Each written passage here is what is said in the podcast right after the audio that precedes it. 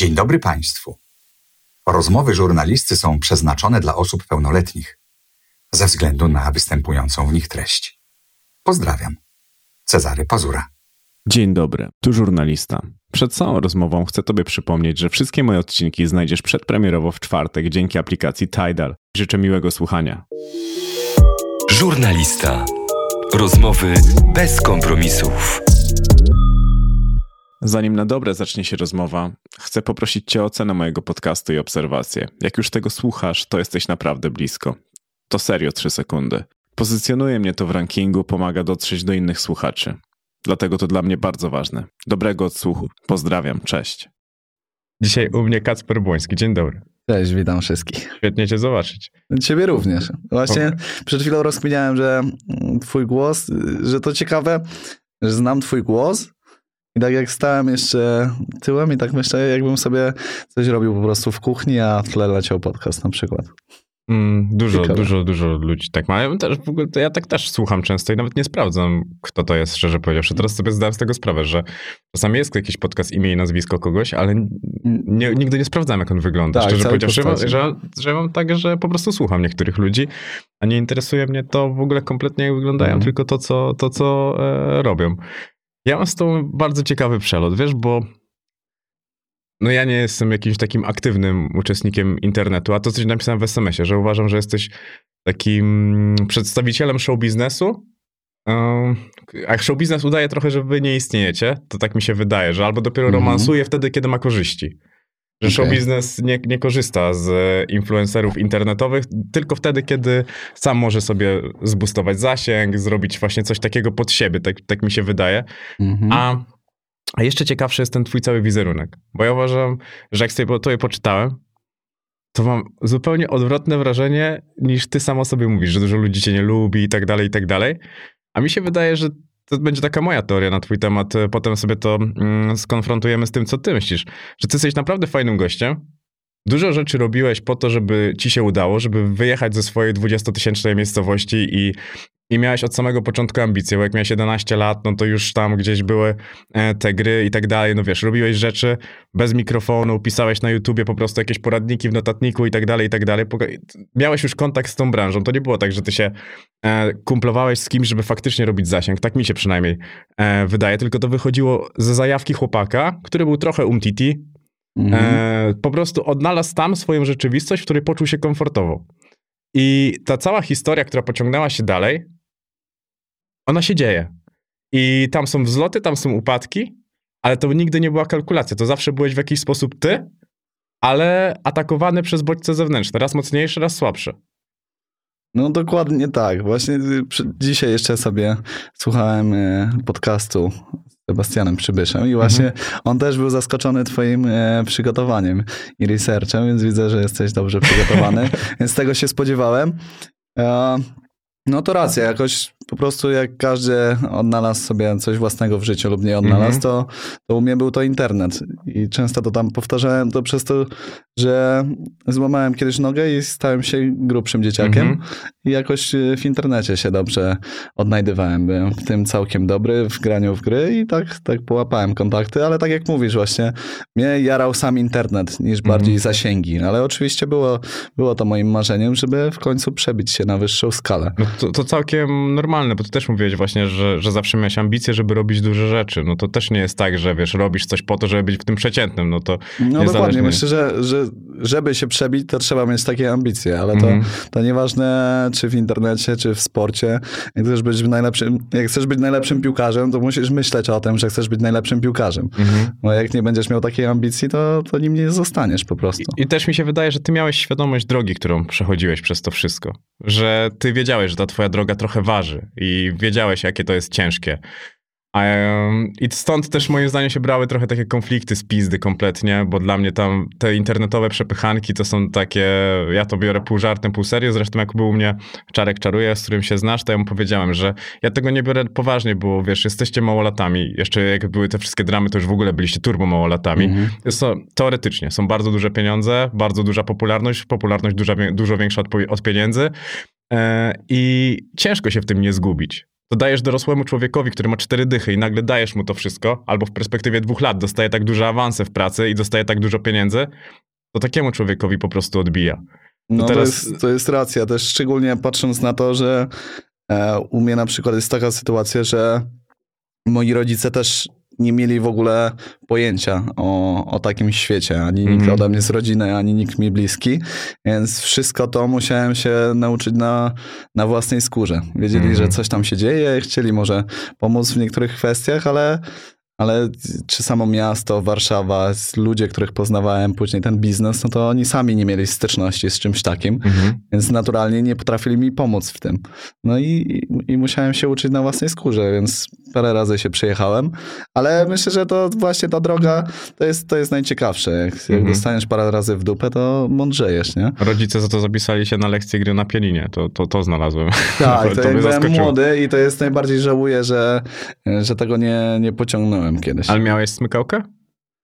Właśnie mi się wydaje, że ja lubię muzykę, ale mhm. na pewno nie mam jakiegoś głębszego słuchu. Nie, nie mam, nie jestem stworzony do tworzenia muzyki. Mhm mimo że mam parę kawałków. No, tak, tak, tak. No to e, dzisiaj akurat to usłyszałem, nie słyszałem tego wcześniej o Frizie, że słuchał twojego kawałka i mówił, że przy tym mu się lepiej sra. Ja, I, był taki e, wiesz, personalnie tego nie odnosząc, ale pomyślałem sobie, no fajny punchline. E, tak, e, było, było. Ta, ta, tak e, ogólnie. A jakie masz wspomnienie, takie pierwsze wspomnienie z dzieciństwem? Oczywiście poza komputerem, bo to, to się mm. wybija u ciebie ponad wszystko. Spełnienie? Wspomnienie. Wspomnienie. Mm -hmm. To myślę, że złamania jakieś. Tak? tak, no myślę, że złamanie jakoś mi się... E, no to, to chyba najwcześniejsza rzecz. Jak złamałem rękę, kiedyś byłem z tatą na placu zabaw mhm. i, i, już byłem takim aktywnym. Właśnie jak byłem młodszy, to byłem aktywnym dzieciakiem. Więc tam próbowałem jakichś sportów, nigdy nic jednego konkretnie, mhm. ale, ale próbowałem. I, I złamałem rękę. To jest chyba najwcześniejsze wspomnienie moje. Okej. Okay. A pomagałeś kiedyś w sklepie rodziców? Pomagałem, ale nie jakoś dużo. Miałem przez moment taką zajawkę, że chciałem, chciałem stać za kasą i mnie to jarało, że tam wbijałem jakieś rzeczy.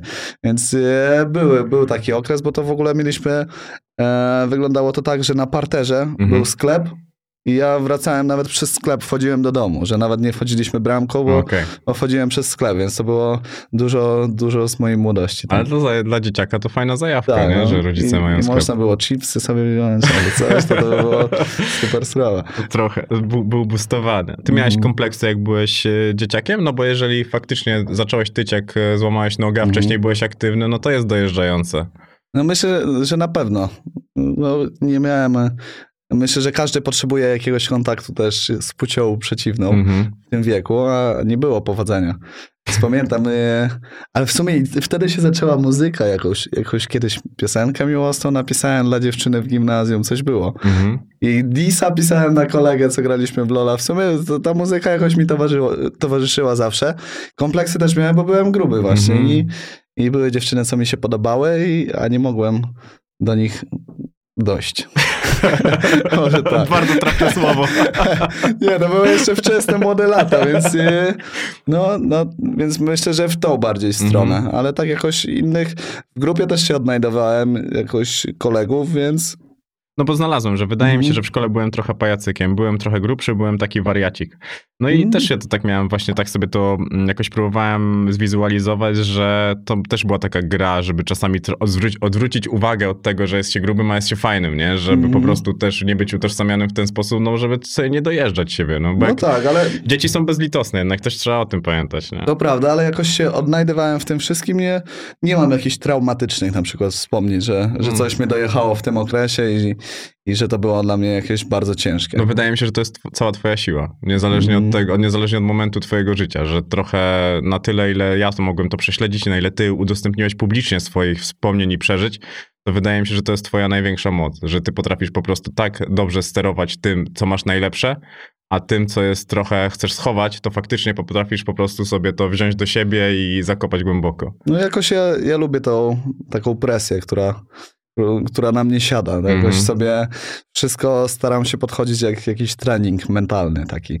Jak coś się dzieje złego, to, to trzeba to po prostu przekuć. Teraz mm -hmm. mam może też okres taki, że nie jestem w jakichś dołkach, a miałem też takie, miałem jakieś problemy tam na głowie, jak to mm -hmm. wszystko siadło na mnie. No ale z, dzisiaj znowu jestem szczęśliwy i chodzę uśmiechnięty, więc Życie to droga i raz tak. pod górkę, raz z górki. Dokładnie. Pamiętasz swój pierwszy komputer?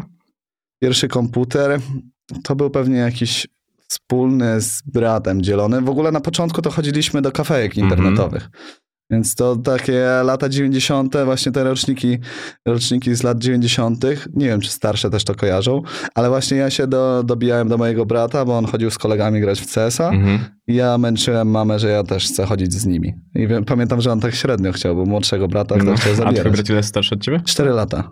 A, to jeszcze tak. No, jeszcze nie, e, ale to jak on miał, nie wiem, z 12 pewnie lat albo z A, 14, okay. to ja byłem 4 lata młodszy, to był męczący, nie? Mm. Młodszy brat na pewno. Miałeś jakiegoś idola?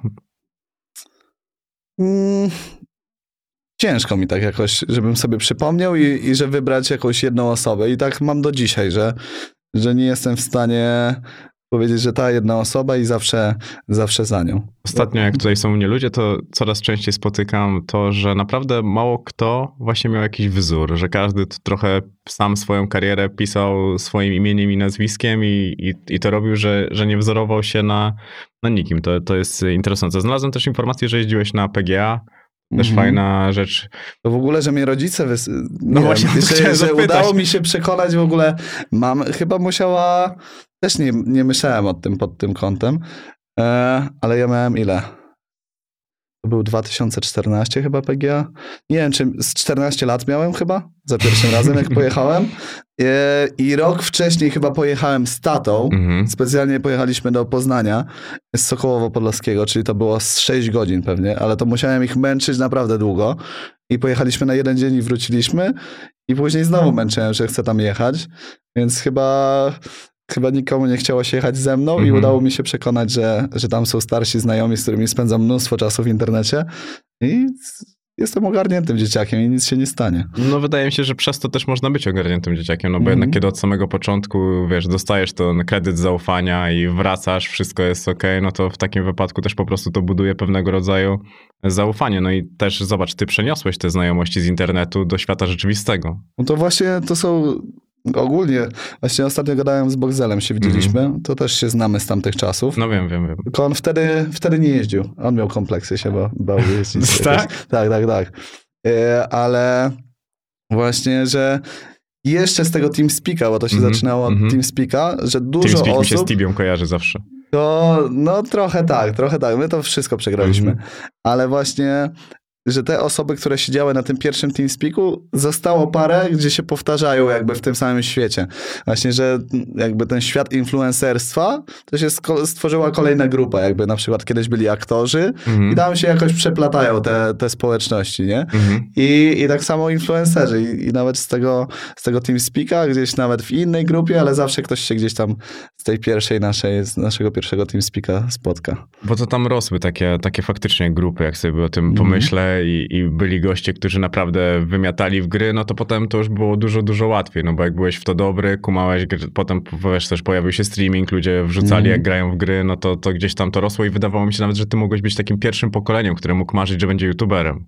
Tak, no ja myślę, że właśnie w idealnym wieku się urodziłem na to. Mm -hmm, tak. Jestem, trafiłem w idealny punkt, gdzie nie musiałem przecierać samych tych początków internetu, gdzie już były jakieś tam pojedyncze wskazówki, ale to pierwsze kanały to jeszcze było bardzo mało tego. No jestem od 6 lat starszy i jak czytałem sobie o tym, to mówię, kurwa, no to jak ja, jak ja, to ja nawet nie pamiętam tego, żeby no, ktoś ja tam... pamiętam te strony YouTube'a, jakieś grafiki, te wszystko takie, YouTube w ogóle kanał to się tak przewijało jak jakieś Jebzdzidy na przykład. To no, coś takiego, miało się grafiki takie długie, ja to wszystko pamiętam. To właśnie jeszcze w tamtych momentach... Yy, przecierali szlaki, a ja się tak idealnie wbiłem, że mogłem trochę od nich y, zaczerpnąć mhm. jakby informacji i wbić się na świeżo. Jakiej muzyki słuchałeś jak byłeś małolatem? O, trochę pewnie rapu.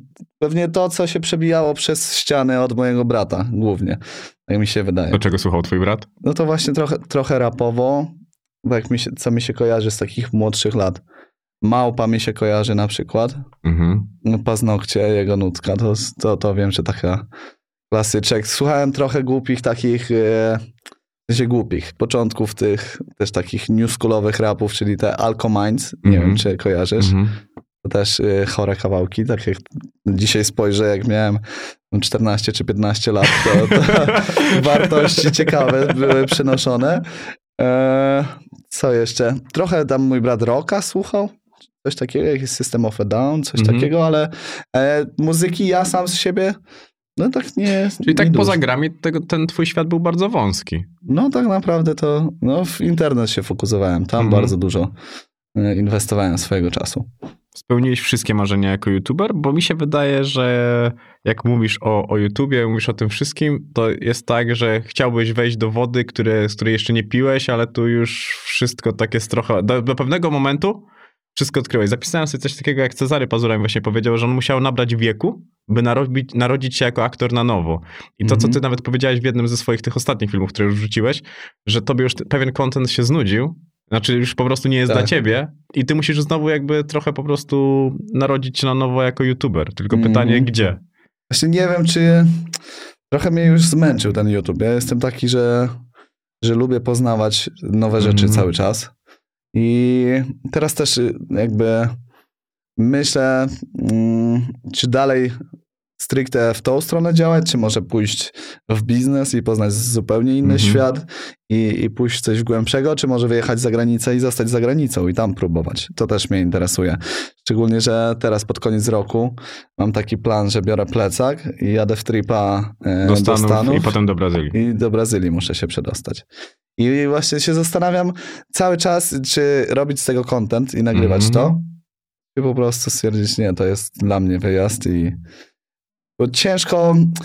Ja też robię takie rzeczy w życiu, których e, nie do końca można przenosić na kamerę mhm. i do szerszej publiki. I się zastanawiam, czy, czy, czy warto to zostawić dla siebie po prostu, czy może też zrobić taki krok, gdzie stwierdzę, dobra, nie ma, nie ma żadnych, żadnych granic i żadnej cenzury takiej wewnętrznej i lecimy ze wszystkim, co się Było dzieje. u mnie faza przez świat na fazie. -hmm. To tam nie ma cenzury i tam jest wszystko, no, więc... No dokładnie, tylko ja tak właśnie, ja, ja nie mogę jeszcze się zdecydować, czy...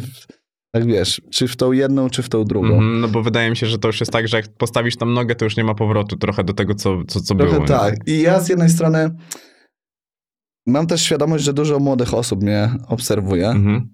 i z jednej strony nie chcę dlatego to robić, Dużo osób myśli, że przez jakieś pieniądze, ale ja nie mam współpracy, hmm. nie współpracuję jakoś dużo, więc nie bazuję na tym. I tak sam do końca nie jestem jeszcze pewny, w którą to stronę pójdzie.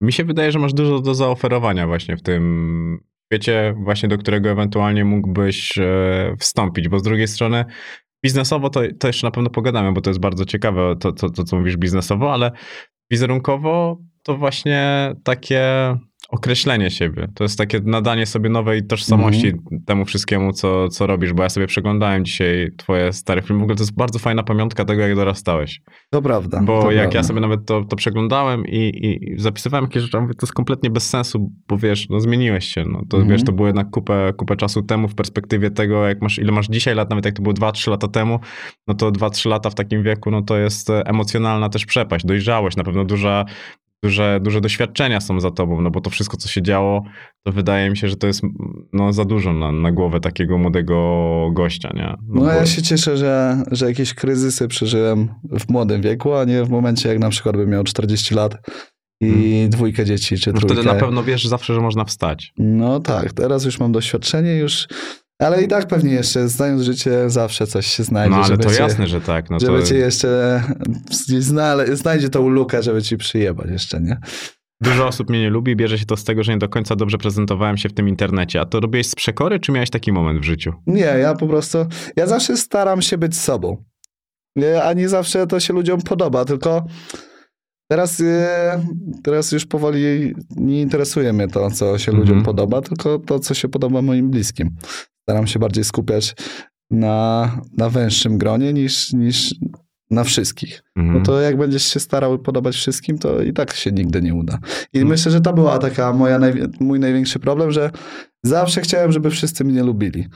A teraz już trochę bardziej wiem, że my mogą mnie nie lubić, no bo mam niektóre rzeczy, za mhm. które można mnie nie lubić, ale ci wszyscy, co są obok mnie, to mnie lubią, nie? Więc... Zupełnie naturalne, żeby tak, ktoś cię nie więc... lubił. No dokładnie, dokładnie. Tylko kiedyś chciałem, żeby każdy mnie lubił. Nie, nie potrafiłem tego zrozumieć, że tak się nie da. Mhm. A to widzisz, to ciekawe, no, no bo tak... jak pracujesz w takiej przestrzeni publicznej, no to wiesz, jak ogląda ciebie tam, no powiedzmy około miliona, o miliona osób, mm. no to mhm. jest logiczne, że od kogo ktoś ci musi napluć w ryj po prostu, bo... No, ale ja tak zawsze chciałem, że nie, mnie będzie lubił każdy. I ch chyba przez to też drugą stronę to często działało. Mhm. Ja jak oglądałem ten twój film o, o zniknięciu, to wyglądałeś na kurewsko przybitego. To, to było coś takiego, co mi się rzuciło w oczy. Ale który... Ten, musisz... opowiadałeś o powrocie, że, że ten, ten film, który wróciłeś, no, był... dlaczego... teraz niedawno taki, tak, tak? Tak, tak, tak. 20 kwietnia on był chyba opublikowany. Taki...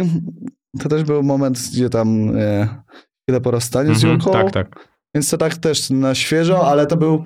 Pamiętam, że gadałem z moim trenerem, y, z Drwalem, z którym mm. robię siłownię, i on mi powiedział, że musisz moment ten takiego rozstania, musisz zająć sobie głowę jakąś pracą. Więc od razu stwierdziłem bez kitu, wstaję rano i zamiast siedzieć i grać na kąpie i, i zamulić się i, i, się przybić, to, to zacznę coś robić. I sobie siadłem i próbowałem. Mhm. Mówiłeś też tam o wypaleniu. A pamiętasz moment, w którym robiłeś trochę coś, bo musiałeś, a to już nie sprawiało ci przyjemności?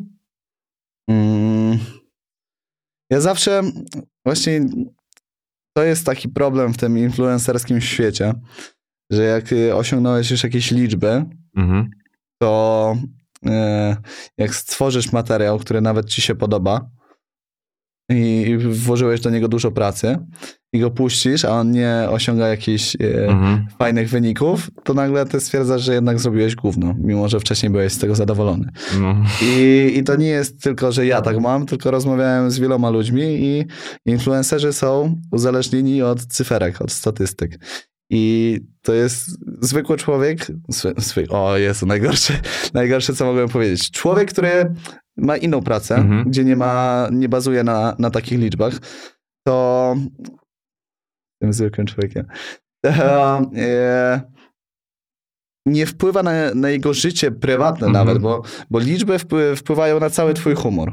Mhm. Jakby jak wrzucisz odcinek, nad którym pracowałeś i idzie słabo, to nagle ty jesteś, o, nie, już następny tydzień. To jest taka heroina, którą ćpasz. Tak, i, i, musisz cały czas, jak są wyniki, i, i, to Ale zobacz, to jest taka heroina, którą ćpasz i nigdy nie możesz wziąć tej samej dawki, co wcześniej, tylko to musi być więcej, więcej, więcej. No, no bo jednak... więc jak to spada, to, to jest zjazd, nie? No bo ja nawet miałem tak, z tego filmu to też to wywnioskowałem i zastanawiałem mnie, na ile utożsamiałeś swoje poczucie wartości z zasięgami. No, myślę, że, że wpływało to jakoś bardzo kiedyś tam. No. Teraz, teraz myślę, że sport też dużo mi mhm. przełożył, że to jest trochę w ogóle pokazał mi inny świat niż internet też. Więc e, no, teraz już czuję się pewny siebie i, i dobrze się czuję po prostu przez to, jakim jestem człowiekiem, a nie, że tam jestem z internetu. Mm -hmm. Nawet jak u mnie był Czarek, to Czarek właśnie opowiadał o tym, że jak on, on, miał taki moment, że spadały mu liczby, to on, wiesz, patrzył w lustro, mówił, że się kończy, zaczął dużo więcej pić, mm -hmm. że to go przeokrutnie e, dojeżdżało. To... No, to, to jest właśnie spadające liczby, to smutna sprawa, no ale... Wydaje mi się, że to jest twoje pokolenie, jest pierwszym pokoleniem, które się z tym zmierzy. W tej, akurat w skali policzalności, bo popularni ludzie ludzie, którzy byli na okładkach gazet i nagle ich nie ma, nigdy nie mieli tej skali policzalności, nie? Że mm -hmm. byłeś i cię nie ma, no po prostu. A tutaj ty nie widzisz mieli nagle... Też, nie mieli też na przykład e, bezpośredniego kontaktu z odbiorcami. Jak mm -hmm. kiedyś ludzie widzieli ich w telewizji i tyle, nie? Mm -hmm. Nie było kontaktu, nie mogli napisać na Instagramie, nie, nie mieliście ze sobą rozmowy, jakby nie, nie widzieli twoich relacji. Teraz każdy widzi całe nasze życie jakby, praktycznie. Mhm. W sensie to, co pokazujemy, ale mają codziennie kontakt więc y, to też na przykład widzisz, że kiedyś pisało do ciebie, nie wiem, dla, łatwiej, żeby się liczyło 100 osób, a teraz pisze na przykład 10. Wiesz o co chodzi? Mm. I mhm. też myślisz, o, coś tu się, coś w to w inną stronę idzie niż powinno. No i, i wiesz, to też są tak nerwowe ruchy. Tak, bo, I, i, myślisz, i znowu coś zrobisz, znowu spadnie i myślisz, o, teraz to już w ogóle I tym bardziej, że zobacz, bo to jest ciekawe, bo nawet YouTube po prostu jest taką maszyną, że gdzie nie dodajesz, Mhm. Zresztą Sylwester Wardenga chyba opowiadał o tym, o mm, Psie Pająku, że to był największy jego film, największa jego klęska. No dokładnie. Że kiedy on zrobił tam, nie pamiętam ile to było, ale 50 milionów wyświetleń mhm. i kiedy nagrał drugi film, i no, drugi film wykręcił 7, co też było świetnym wynikiem, ale YouTube uznał, że to jest w ogóle nieatrakcyjne, bo to tak, pierwszy bo skoro film... Tamten no, miał 50. bo skoro tamten miał 50, no to tutaj to jest porażka kompletna, nie?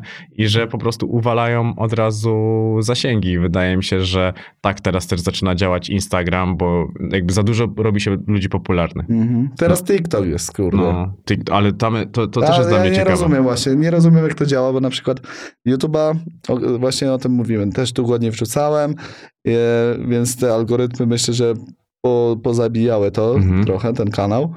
I tak starałem się i stwierdziłem, dobra, na razie nie jest czas na YouTube'a, skoro to tak mhm. fajnie nie idzie. I e, działam na Instagramie i na TikToku, ale wrzuciłem TikToka, którego nagrywałem 10 sekund i tam jest 2 y, miliony wyświetleń na przykład, nie? I myślę, po co mam siedzieć nad filmem na YouTubie, gdzie pracuję nad nim, nagrywam go cały dzień, mhm. później siedzę, montuję y, znowu cały dzień, więc naprawdę wkład pracy jest olbrzymi a po czym nagrywam TikToka, które zajmuje nagranie mi no, 5 minut załóżmy. Mm. I to robi 2 miliony wyświetleń zamiast 50 tysięcy na YouTube. Dla mnie to też jest akurat bardzo ciekawe, bo mnie zastanawiało, skąd TikTok bierze te liczby i na ile to jest e, realne ogólnie. Ja myślę, że realne. Ja myślę, że realne, bo jest mnóstwo tych ludzi, co siedzi na TikToku i No i wiesz, bo to jest po prostu i krótka lecisz, treść. I lecisz, i lecisz. No. Krótka treść, to prawda. Ale też, też trzeba jakoś właśnie zrobić żeby te 10 sekund zostało obejrzane na TikToku, bo to też yy, wtedy cię będzie boostować i wrzucać na, na te główne tablice. Jak, mm-hmm. Zobacz, ja jestem bardzo ciekawy tej, tej wojny, bo jednak Instagram bardzo chciałby zabrać ten content TikTokowy, no. tak, tak, a chyba wydaje mi się, że nie Ciężko, nie ciężko, idzie. no. Że tak jak ze Snapchatem sobie do, bardzo łatwo poradzili, tak wydaje mi się, że z TikTokiem jest bardzo no, ciężko. TikTok, TikTok ma przeolbrzymią moc, mi się wydaje. To jest w sensie ciekawe, kiedy z tego zaczną się pieniądze jeszcze takie nie przez współpracę, mhm. tylko tak jak z YouTube'a za samo oglądanie materiału, tylko to będzie ciężkie w sumie. No. Może wprowadzę jakąś subskrypcję też, żeby oglądać TikToka, to zapłacić dychę miesięcznie albo coś. No tak teraz też jest, Spotify zrobił z podcastami, że możesz zrobić dodatkowe podcasty, ale płacisz już twórcy. Mm -hmm, że możesz że bezpośrednio. Prostu, tak, że bezpośrednio po prostu twórcy i masz dodatkowe ewentualnie e, odcinki podcastów dla kogoś, kto subskrybuje mm -hmm. e, twórcę, więc wydaje mi się, że to jest zupełnie naturalne. Nie? Też no. idzie w tą stronę wszystko. W ogóle na Netflixie, nie wiem, czy to jest potwierdzona informacja, ale wprowadzają reklamy. Mm -hmm, tak, tak, to potwierdzone już. Czyli płacisz za Netflixa, Czyli zaczęło się od tego, że kupujesz Netflixa po to, żeby oglądać filmy, gdzie nie masz reklam i mieć dostęp w każdym momencie, a teraz już będziesz, będziesz na przykład płacił troszkę mniej, ale będziesz reklamy miał w tym. Dla Zresztą... mnie to jest... Mhm. No, no, ja czytałem książkę akurat e, gościa, który wymyślił Netflixa i od, to, to, od samego początku miało działać na zasadzie takiej, że to jest na, na granicy opłacalności. Mhm. No i oni po prostu muszą zacząć zarabiać kasę, bo u nich jest problem, że oni chcieli e, wygryźć każdego z rynku, ale nie zarabiając kasy. No to, to niezbyt, e, no, wiesz, to można to robić na samym początku, ale nie cały czas, więc te i tak samo konta współdzielone mają być droższe, e, że tam po prostu ta cena się podniesie. Jeżeli nie chcesz mieć reklam i chcesz, żeby więcej, większa liczba użytkowników korzystała z twojego konta, no to cena z automatu e, będzie, będzie większa, no bo to, to musiało, to było za tanie. Tak jak sobie spojrzysz na to mm. tak mhm. uczciwie, na tą bazę, na tę produkcję, na to, że oni naprawdę inwestowali kasę w to wszystko, no to, to ja, ja tak zastanawiałem się, jak oni to robią. To racja, to racja, ale, ale takie, w sensie dla mnie spoko, rozumiem to wszystko, tylko takie, dla, przełamało mi się to wszystko tak w mm. głowie, że zawsze pamiętałem, że a, tu w telewizji zawsze te reklamy, mm. to męczy i tak dalej, a tu właśnie już na Netflixa to wraca i ludzie podobno to bardzo chętnie będą robić, że wolą mieć trochę tańszego i z reklamami niż mm. płacić więcej. No, też mi się tak wydaje. Nawet... Ludzie chyba lubią reklamy po prostu. Zobacz, też e, reklamy się zmieniły tak na przestrzeni lat. E, jak pomyślisz sobie o swoim dzieciństwie i o tym, jak dzisiaj nawet sam masz konstruowane współpracę i tak dalej, ta, ta reklama już jest też trochę, trochę inna. Wydaje mi się, że te mhm. firmy po prostu, kiedy mają właśnie tak kontakt z odbiorcą, nie jest tak, że puszczasz telewizję do telewizji i ona lata i nie ma odbioru, to jakoś te, te, te, reklamy nabierają po prostu jakości, że to się wydaje bardziej skonstruowane pod odbiorcę, że jeżeli no. chcesz się reklamować młodemu człowiekowi, no to jest skonstruowane dla młodego człowieka. Tak, no twórca wie najlepiej jak też w jaki sposób przedstawić to swojej widowni, żeby najlepiej sprzedało i najgorzej jest jak, jak firma myśli, że wie lepiej niż twórca, Ale jak, jak sprzedać swój ten. Myślę, że najciekawszy, najciekawszą osobą, która robi najfajniejsze reklamy z tego, co śledzę, to jest Kuba Klawiter. Nie wiem, czy A, wiesz, oglądasz jego Kuba będzie filmy. u mnie? E, Kuba będzie u mnie w piątek. Będzie? To możesz mu przekazać, że uwielbiam jego reklamy. Ja Po też, prostu- Kuba jest geniuszem. No jest, robi to tak, że właśnie wczoraj oglądałem e, Tech Weeka i leci jego reklama i nawet nie przełączam, bo jestem ciekaw w jaki sposób zaprezen- zaprezentuje to odbiorcom. nie? To on jest, on jest I, genialny. I to jest, kurde, no Kuba jest, jest mocny. Ja mam tak zazwyczaj, że jak rozmawiam z kimś o podcast, no jak ktoś tam chce zadzwonić i Kuba właśnie chciał, to powiedziałem mu, że rozmawiałem tu z wieloma ludźmi, ja z nikim się nie stresowałem, a przez to, że jego rzeczy oglądam, to normalnie czułem stres, bo, ten. bo jestem e, mega, mega fanem tego, tego, co on robi. A mówiłeś, że porażki dużo uczą. A która nauczyła ciebie najwięcej? Hmm. Kurczę. Porażka. Myślę, co, co w moim życiu mogę nazwać porażką. Wiesz, no, y, takie idealizowanie tego, że coś nie jest porażką też jest kompletnie bez sensu, no bo jednak poraże, porażki są, wiadomo, w co Tak, tak, tak, tak, zamieniłeś, ale- nie? Nie wiem, czy. no, Ja bardziej e, bym dawał jakieś upadki niż Mhm, jakieś no, no, porażki. okej. Może tak. Nie wiem, to najbardziej chyba na głowę mi wpłynęły te wszystkie kłótnie z agencjami. Mhm. To też jeszcze wszystko dalej trwa, ale właśnie to, że, że miałem, nie wiem ile, 21 lat. Jestem chłopak z Sokołowa Podlaskiego, co przy, przyjechał do Warszawy i nagle wiem, że prawdopodobnie będę sądził się z jakąś ogromną firmą, gdzie są panowie w garniturach, nie? A ja Mhm. nigdy nie miałem z tym styczności. No ale jednak nie wszystko jest takie trudne, jak się wydaje. Po prostu Mhm. to był taki pierwszy strzał, trochę mnie to przybiło, ale sobie z tego wyszedłem jakoś. I tam też dobry marketing był dookoła tego wszystkiego, bo czytając można było patrzeć na to, że tak, no dostał od nich szansę i nagle się gówniarz rzuca. No tak, tak, to było fajnie tak w tą stronę pokazane, a nie to, że znajdziemy sobie młodziaków, z których będziemy trzepać siano. Mhm. Nie, tak i, i dobrze to...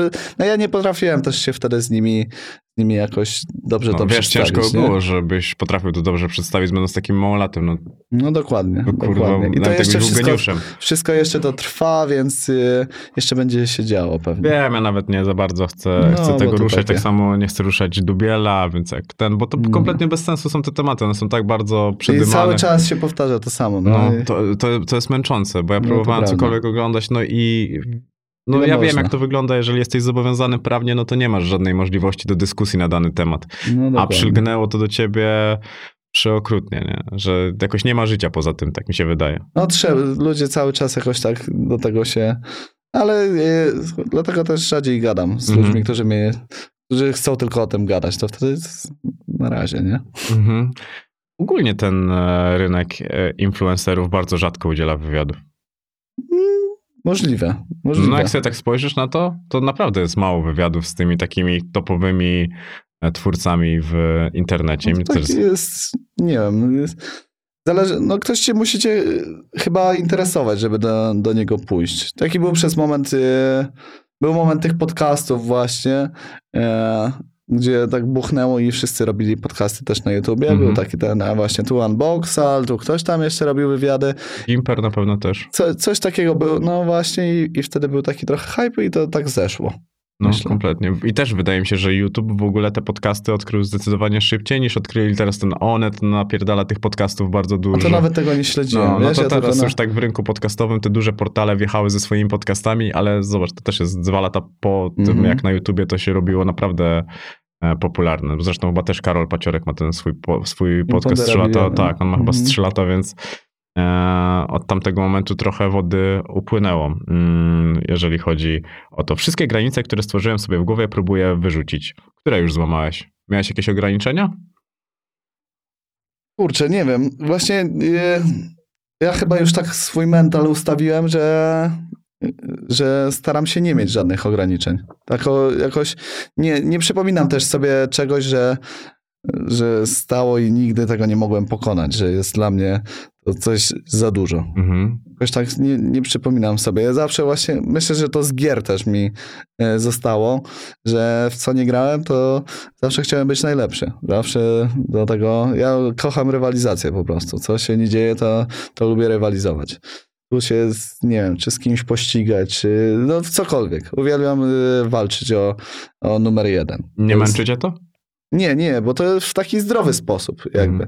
W sensie tu na przykład jak działam teraz jeśli chodzi o internet, to, to nie mam takiego, takiej potrzeby, że tu będę największym influencerem, coś tam, coś tam, ale jak chodzi na przykład o walki, to już do tego podchodzę tak, że no nie ma opcji przegranej u mnie. Mhm. Zawsze chcę być no nie wiem, taki mindset sobie Ale też mi się wydaje, że ty odnalazłeś w tym miłość. Ty, ty naprawdę, ty, ty się w tym spełniasz i, i mm. to jest coś takiego, że ktoś ci pokazał nowe, nowe życie. To nawet jak ja sobie oglądałem wywiady z tobą, to było widać, że ciebie ten YouTube to już tak wiesz, że no, z boku, a, a to, to jest taka droga, którą chcę podążać. Nie, no dla mnie to jest y, idealne, bo tak, y, zyskujesz bardzo dużo pewności siebie, mm.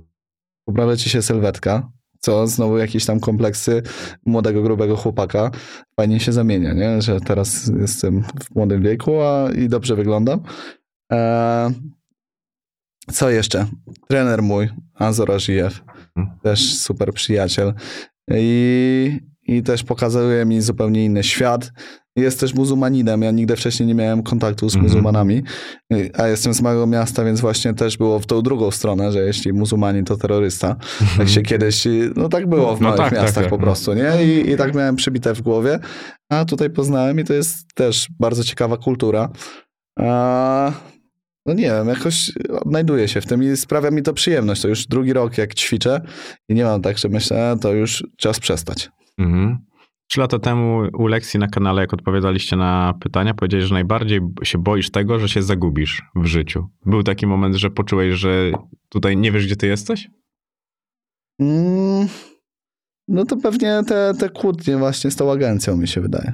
Ja w ogóle tam... Tylko kurde, no to popatrz, bo to, to był taki moment dane... moim zdaniem odnalezienia siebie, bo ja właśnie o tym, tak, o tym też myślałem o tym momencie, ale z drugiej strony pomyślałem sobie, że zdajesz sobie sprawę z tego, że coś tu nie gra. No i mm. faktycznie może byłeś kopany, ale z, wiesz, mogłeś Ale doje, dojechało mnie to strasznie wtedy, mhm. pamiętam. To już były, już miałem e, nawet podmyśli samobójcze. No ja znalazłem taki, no, to, że miałeś dwa, trzy telefony do rodziców, gdzie chciałem się tarnąć na swoje życie. No, więc, więc było to i to taki smutny okres. A im więcej się o tym mówi, tym już się spokojniej do tego podchodzi, więc pamiętam, mm. pier- to na kanale sportowym chyba, a to aż mi się tak oczy zaszkliły. Teraz mm. widzę, że już jestem też bardziej obyty z tym tematem. No, y, ciężki okres, ale nie wiem, nie wiem, co, co, co mogę powiedzieć o tym. Jakoś się mhm. wykaraskałem z tego. Jeszcze to wtedy COVID się zaczął, więc no. też było siedzenie w chacie, wiesz o co chodzi. Wszystko takie nawarstwiało się. No trudny, trudny okres, ale potrzebny. Do przetrwania. Ty chodziłeś mm. wtedy na terapię? Mm, byłem parę razy, ale jakoś sam się z tego wygrzebałem sumie teraz też nie mam żadnego psychologa mhm. sportowego. Ja jakoś wszystko stawiam na przepracowanie w głowie samemu. Mhm. No widzisz, to, to też jest bardzo duża informacja o samym sobie. Mhm. Masz taką pewność tego, że okay. Właśnie to jest taka, tam byłem, ale to kilka razy i to jakoś mi nie pokazywało mi to tego, czego potrzebowałem.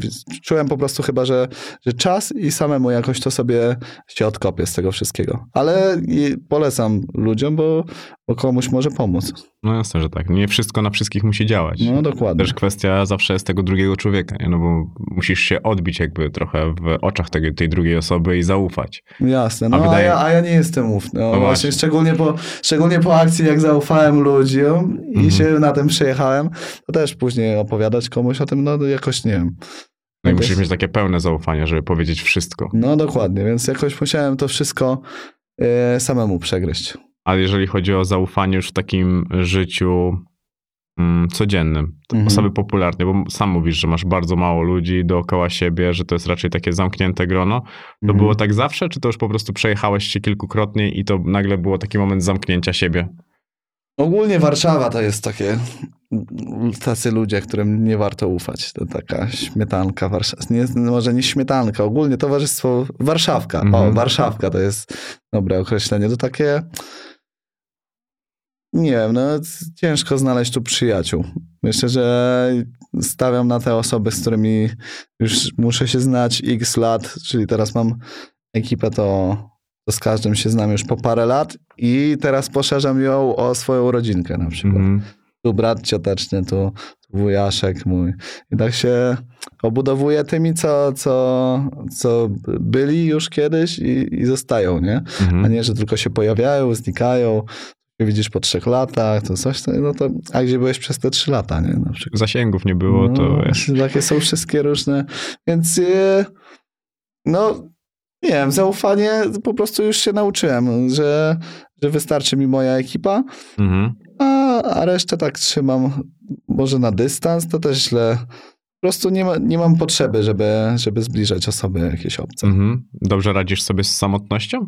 Potrafisz być sam? Lubię, lubię też samemu sobie posiedzieć. Ja wtedy zawsze rozmowy ze sobą jakieś, tym wewnętrznym ja. Mhm. E, więc lubię, lubię spędzać czas samemu. I z tym wewnętrznym ja dużo przemyśleń?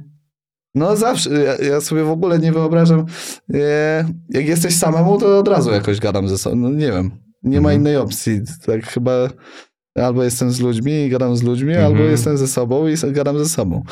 Okej, okay, widzisz, bo mnie to, mnie to właśnie interesowało nawet w takim kontekście tej pewności siebie, tego, tego wszystkiego, co ty w życiu widziałeś, bo to jest taki właśnie mindset tego, że można dużo tutaj przeczytać, tylko trzeba chcieć się zagłębić. To nie jest tak, że bierzesz na pierwszy rzut oka, mm. na mhm. pierwszy rzut oka możesz pomyśleć sobie, kurwa, pewny siebie ma na wszystko wykurwione, ale też trzeba patrzeć na to, jak tą pewność siebie dookoła zbudowałeś, nie? Bo to też był krok po kroku. To chyba nie było takie coś, że miałeś to od, od razu. No nie, nie, nie. To się, to się zyskuje właśnie. Jakoś mm. tak myślę właśnie czy to sport, czy to obycie z ludźmi. Wiadomo, te followersy też pomagają jakoś. To wszystko jestem taką wypadkową tego miksu całego i... i albo teraz... nas wypadkową tego, kim ty jesteś, no, bo, bo, bo, ty zainteresowałeś ty, tych ludzi, nie? To też raz. No, bo, to, ale, dużo, albo jedno, albo drugie. No, bo dużo ludzi nawet właśnie jak oglądałem, to był wiesz, ten zarzut, że ty tutaj byłeś z tym, tu byłeś z tym, z drugiej strony byś był nudny jak flaki z olejem, no to by to w ogóle nie, nie, nie w ogóle by to ludzi nie interesowało. No, no tak, no z Blowem ja jestem przyjacielem do dzisiaj. No. Na przykład. A zaczynałeś jako tam, pomagałeś jako operator, nie? Tak, i po prostu, nie, byłem i, i się zagadywaliśmy, nie, tu nikt się nigdzie nie wciskał. Z drugim, ze Stewardem też się dobrze jakoś mieliśmy dobry kontakt i plus chciał zrobić ze mną biznes, więc... Jemu się udało, jak to wie. No, to, no i tak wyszło, wiesz. No, nie wiem, jakoś ja na siłę się, jakbym chciał się wciskać na siłę, to nie wiem, to teraz bym latał za Freezem może. Nie? Jakby to tak mhm. miało działać, to już bym teraz w ekipie siedział. za którąś dziewczynę bym się wziął i... Za wersą? Oj, ciocia Werka, taka. Spokojnie, no. Karol, żartowałem. Brałeś udział w, w projekcie Celebruj życie bez uzależnień. E, to był jakiś taki ukryty przekaz? No bo ty miałeś taki okres baletowy, skończył się w 2019, przez dwa lata tańczyłem cały czas, chodziłem na imprezy co tydzień.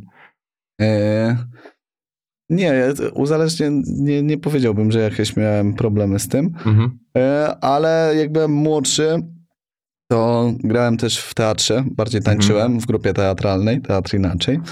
I ona była połączona też z takim programem policji Profilaktyka AT. Mhm. Więc w wieku tam młodzieńczym miałem styczność po prostu i zobaczyłem, że są policjanci, którzy są spoko mhm. i którzy organizują rzeczy takie, żeby pomagać e, trudnej młodzieży wychodzić z jakichś, z jakichś ciężkich momentów w życiu, mhm. żeby nie zapadali właśnie w uzależnienie i skoro miałem z tym styczność kiedyś, to jak dostałem zaproszenie takie do żor, bo to chyba było w żorach, to stwierdziłem, dlaczego nie. No bardzo, Spoko bardzo... opcja, nie? Zawsze młodym... Wiem, że, jak to wygląda, jak tłumaczy młodym e, jakiś, nie wiem, policjant albo jakaś pani psycholog, to oni siedzą i myślą, co ona pierdoli za głupoty. Mhm. I to jest stara osoba i nie wie o co chodzi. A jak przyjadę ja i tam pogadam, że wiecie, tu od fajek jestem uzależniony i że to słaba rzecz i fajnie się jara w szkole, jak wszyscy jarają, ale to wcale nic z tego dobrego nie ma, to oni tak prędzej pomyślą niż, niż jak to powie ktoś dorosły. No zdecydowanie. To fajne, że masz też takie podejście, bo widać, że ty mocno bierzesz odpowiedzialność za tych swoich odbiorców, bo nawet jak rozmawialiśmy wcześniej o tym kontencie, żeby tam postawić krok e, dalej, no to myślisz o tym, co mm. oni mają, a z drugiej strony tutaj o tych uzależnieniach, no to, to też po prostu buduje taka postawa, nie? No bo ja też zadałem tobie to pytanie z tym idolem nieprzypadkowo, bo ty jesteś idolem młodych ludzi, nie? No, dla pewnie jakiejś grupy, no na pewno. I to jest, to jest właśnie dlatego trzeba brać, brać jakąś tą odpowiedzialność, a to jest ciężkie. Ciężkie, no bo jest ta świadomość, że rodzice powinni kontrolować to, co oglądają dzieci, mhm. ale, ale często się to nie dzieje po prostu i jestem tego świadom. I jak ja zacznę jakieś głupoty robić, chociaż właśnie teraz czas trochę mija i, i ci moi młodzi ludzie trochę też powoli dojrzewają i są mm. coraz starsi, więc może jeszcze z dwa lata i jedziemy z koksem. Nie każdy to zrozumie jak chce. tak, tak. o Jezu. No, tylko zobacz, nawet dla młodych ludzi to jest fajna, e, fajna rzecz, że lepsze i, i, że są lepsze i gorsze momenty w życiu. To też jest bardzo istotne. To nie jest tak, że właśnie mm -hmm. robisz tylko challenge i odpowiadasz na Q&A, tylko pokazujesz ludziom, że zobaczcie, tu mi się coś spierdoliło, tu się z kimś nie dogadałem, tu jest coś inaczej niż myślałem, że jest. Też jest takie wyznaczanie e, drogi, nie, nie koloryzowanie już tylko mhm. życia takim, wiesz, internetowym, instagramowym, bo wydaje mi się, że ten trend też powoli zmierza ku końcowi. Mm, racja, no zawsze Instagram będzie trochę nawet nie trochę, ale fajniejszy niż rzeczywistość, mhm. ale ja się taki transparentny staram być na, w moich mediach społecznościowych, mhm. jak jestem wkurwiony, to jestem wkurwiony, jak jestem szczęśliwy, to jestem szczęśliwy. I myślę, że to jest ważne. No, fajnie, fajnie, że to podkreśliłeś w sumie. Zobaczył, że były dołki.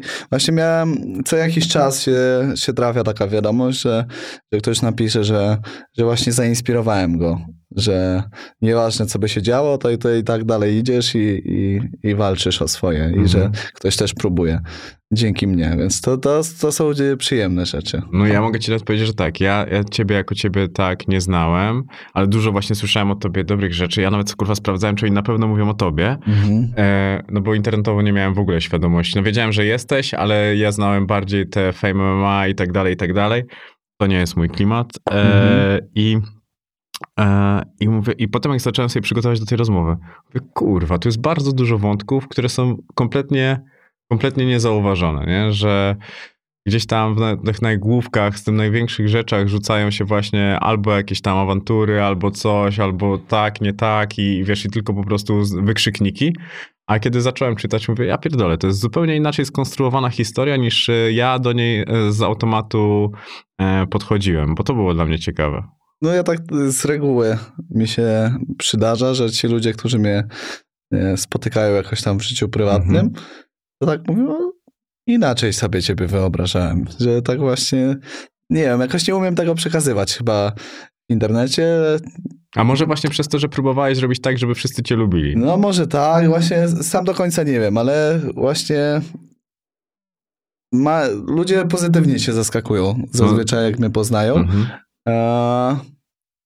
Coś jeszcze chciałem powiedzieć i wypadłem, uciekła mi myśl.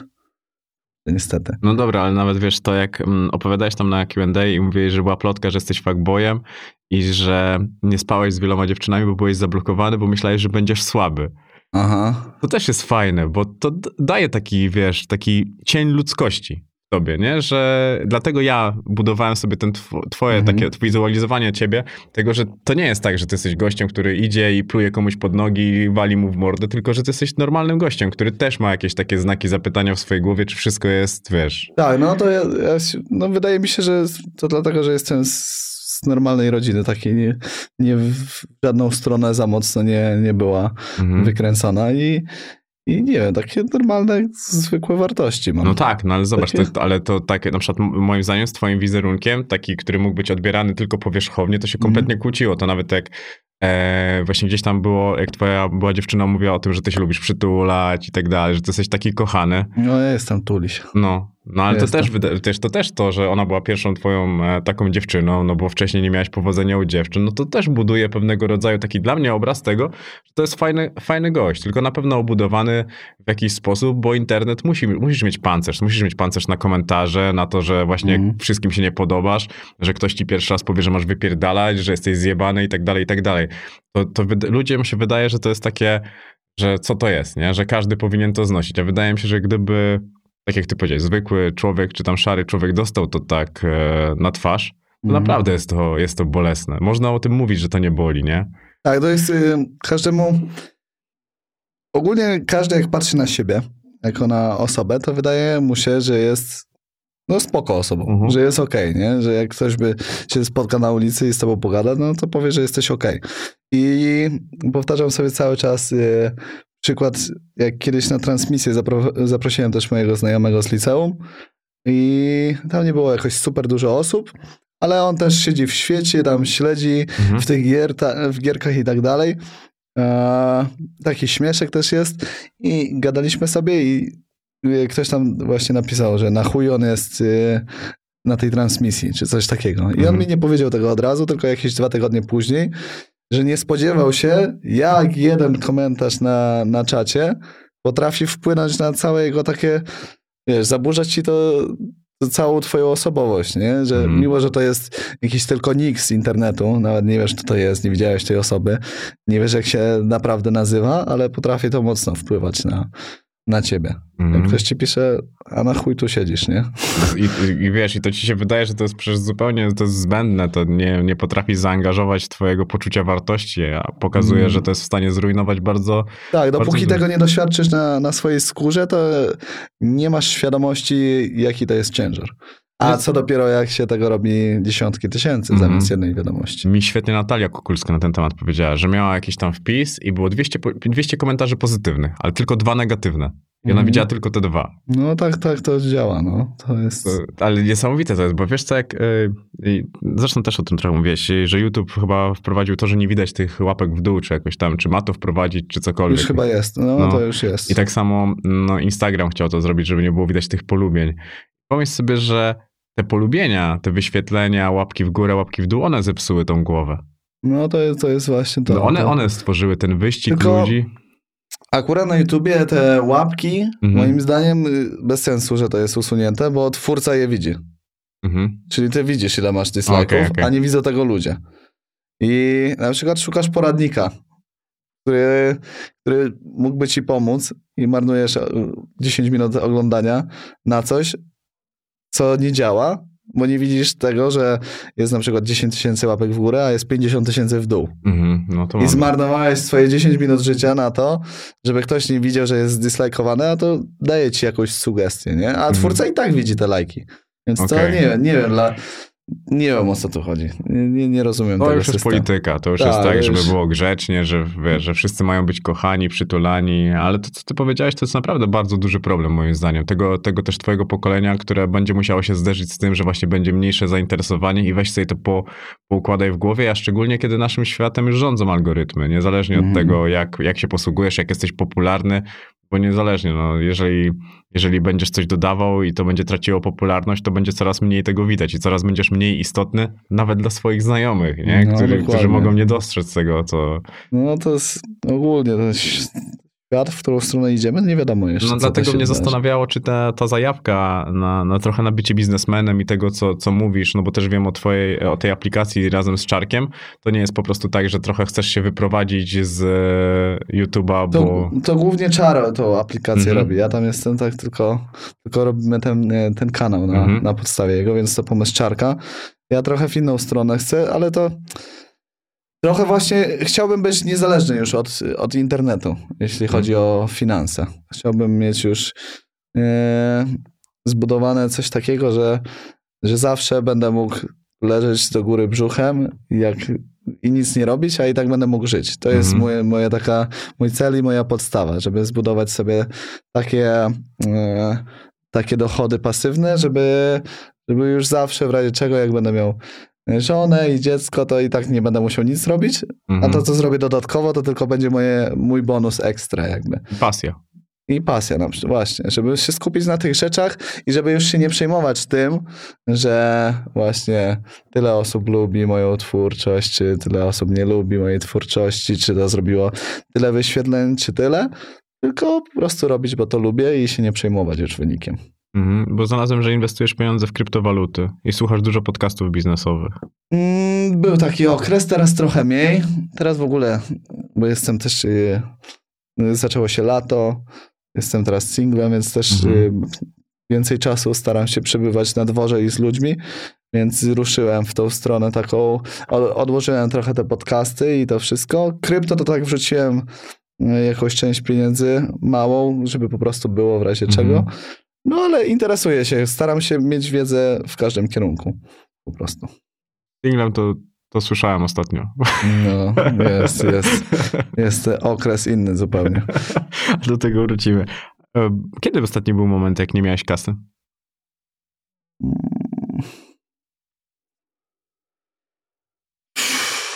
Z tego co pamiętam, to do Mix i chwilę po. Do momentu, aż się nie odłączyłem od agencji. Mhm. Bo, to też było, nawet jak tutaj Patrycja była przed tym i ja mówię, kurwa, wiesz, że oni w tym dom, domie X nie mieli w ogóle kasy. Ja mówię, tam podpisywali jedzenie. Na początku tam Mm. podobno była jakaś dieta pudełkowa, bo to chyba ty, e, to chyba ty Tak, mówiłeś, tak, było że to, to było takie ol, niby olbrzymie, ale w środku domek, w, dom, w takiej ol- olbrzymiej willi domek dla lalek. Że, Trochę, no dokładnie, dokładnie. To- to- Nadmuchane to, no, było. bar, bardzo Nadmuchane. nadmuchane, bardzo zasięgowe, ale kompletnie nie... Tak, tak, no więc y, to chyba wtedy. No i nawet jak ty opowiadałeś, że dzwoniłeś do mamy, że wiesz, że, bo ty rzuciłeś studia przecież, nie?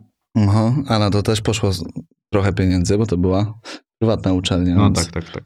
też się płaciło za to, więc y, nie wiem.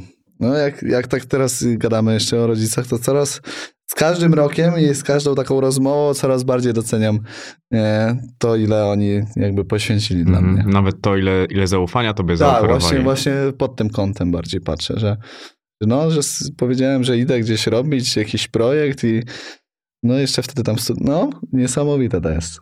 No? Naprawdę, bo ja, ja właśnie tak sobie to, ja zazwyczaj się przygotowuję do rozmowy, to sobie wieszam po prostu karteczki i, i tak wiesz, i jedną karteczką są rodzice i tak sobie Mhm. patrzę, mówię, kurwa, No, naprawdę mieli, miał, miał gość wsparcie, bo, bo o tym pomyślałem. Tak, a, a nigdy, nigdy tak e, może nie, że nie doceniałem.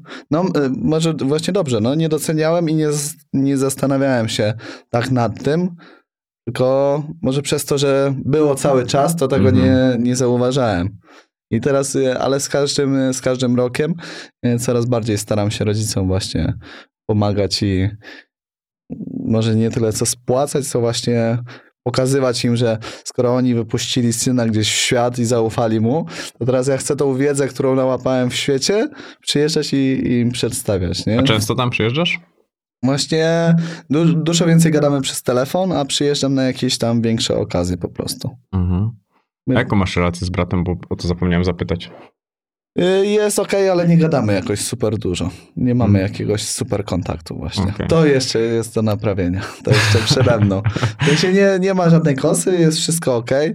Jestem też e, ojcem chrzestnym jego syna, więc właśnie teraz dopiero co byłem na urodzinach Oliwiera, Mhm. więc e, jest kontakt, ale tak, żeby dzwonić się do siebie i gadać, to jeszcze to nie jest to. Myślę, że to przez to właśnie, że on został w Sokołowie. Mhm. Bo tak jak kiedyś nie miałem na przykład kontaktu też z bratem ciotecznym, tyle co na święta, to teraz on mieszka blisko bardzo mnie i, i wychodzimy w tygodniu parę razy i nagle się mamy zajebisty kontakt, nie? No tak, no i też są te dwie długości, wiesz, świata, nie? Sokołów i Warszawa. No zupełnie inne, to życie płynie zupełnie inaczej tutaj i tam. I Mhm. mi trochę jest, y, trochę mi szkoda, że, że został w Sokołowie.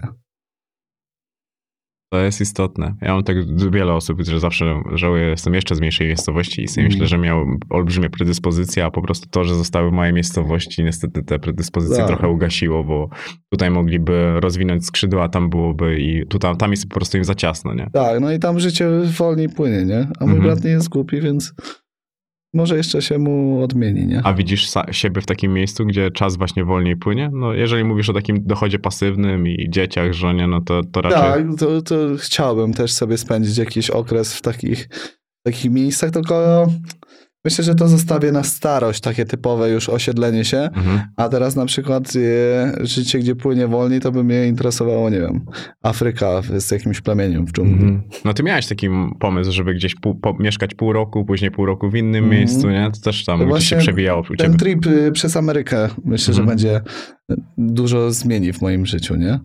Nie wiem jeszcze, co, co tam się wydarzy, nie mam dokładnego planu, ale, ale chyba o to mi chodzi, żeby się zagubić trochę. I tam mi się wydaje, że możesz być otwarty na ludzi, nie? No ja właśnie, to jest e, taka jedna chyba z moich supermocy, to że, że uwielbiam poznawać ludzi.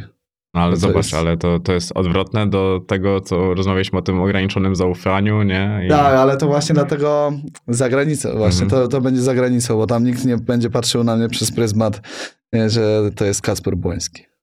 Tylko to, to będzie pryzmat, o, przyjechał jakiś świr z plecakiem.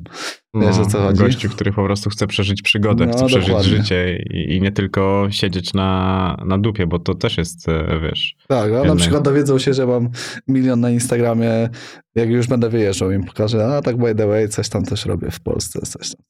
Ogólnie Stany i podróże mocno boostują te wszystkie kanały YouTube'owe. Nawet teraz takiego oglądam... Vlogcasha? No tak, tak. No i on teraz robił tym kamperem jeździ, a zresztą kiedyś o nim powiedziałem w ogóle, bo był mnie Krzysztof Gąciarz i powiedziałem, że to taka trochę podróbka e, mhm. Gąciarza na, na swój sposób. Mm, I on nagle patrzy, jakiegoś popularny zrobił. Ja tam go kojarzyłem, 30 tysięcy subów miał, teraz już ma ponad 300 i, i, wiesz, muszę odszczekać to, co powiedziałem. No nie, on, on bardzo skrupulatnie tam działa. Tak, tak. Te tak. stany tak. u niego oddają, to prawda. Naprawdę, dlatego to też uważam, że to jest bardzo fajne to, co on robi i zresztą teraz regularnie też to oglądam. E, mhm tym kamperem. No. Właśnie on robi tak bardziej podróżniczo i tak spokojnie, a ja zauważyłem, że w tych podróżniczych kanałach nie ma nikogo młodego.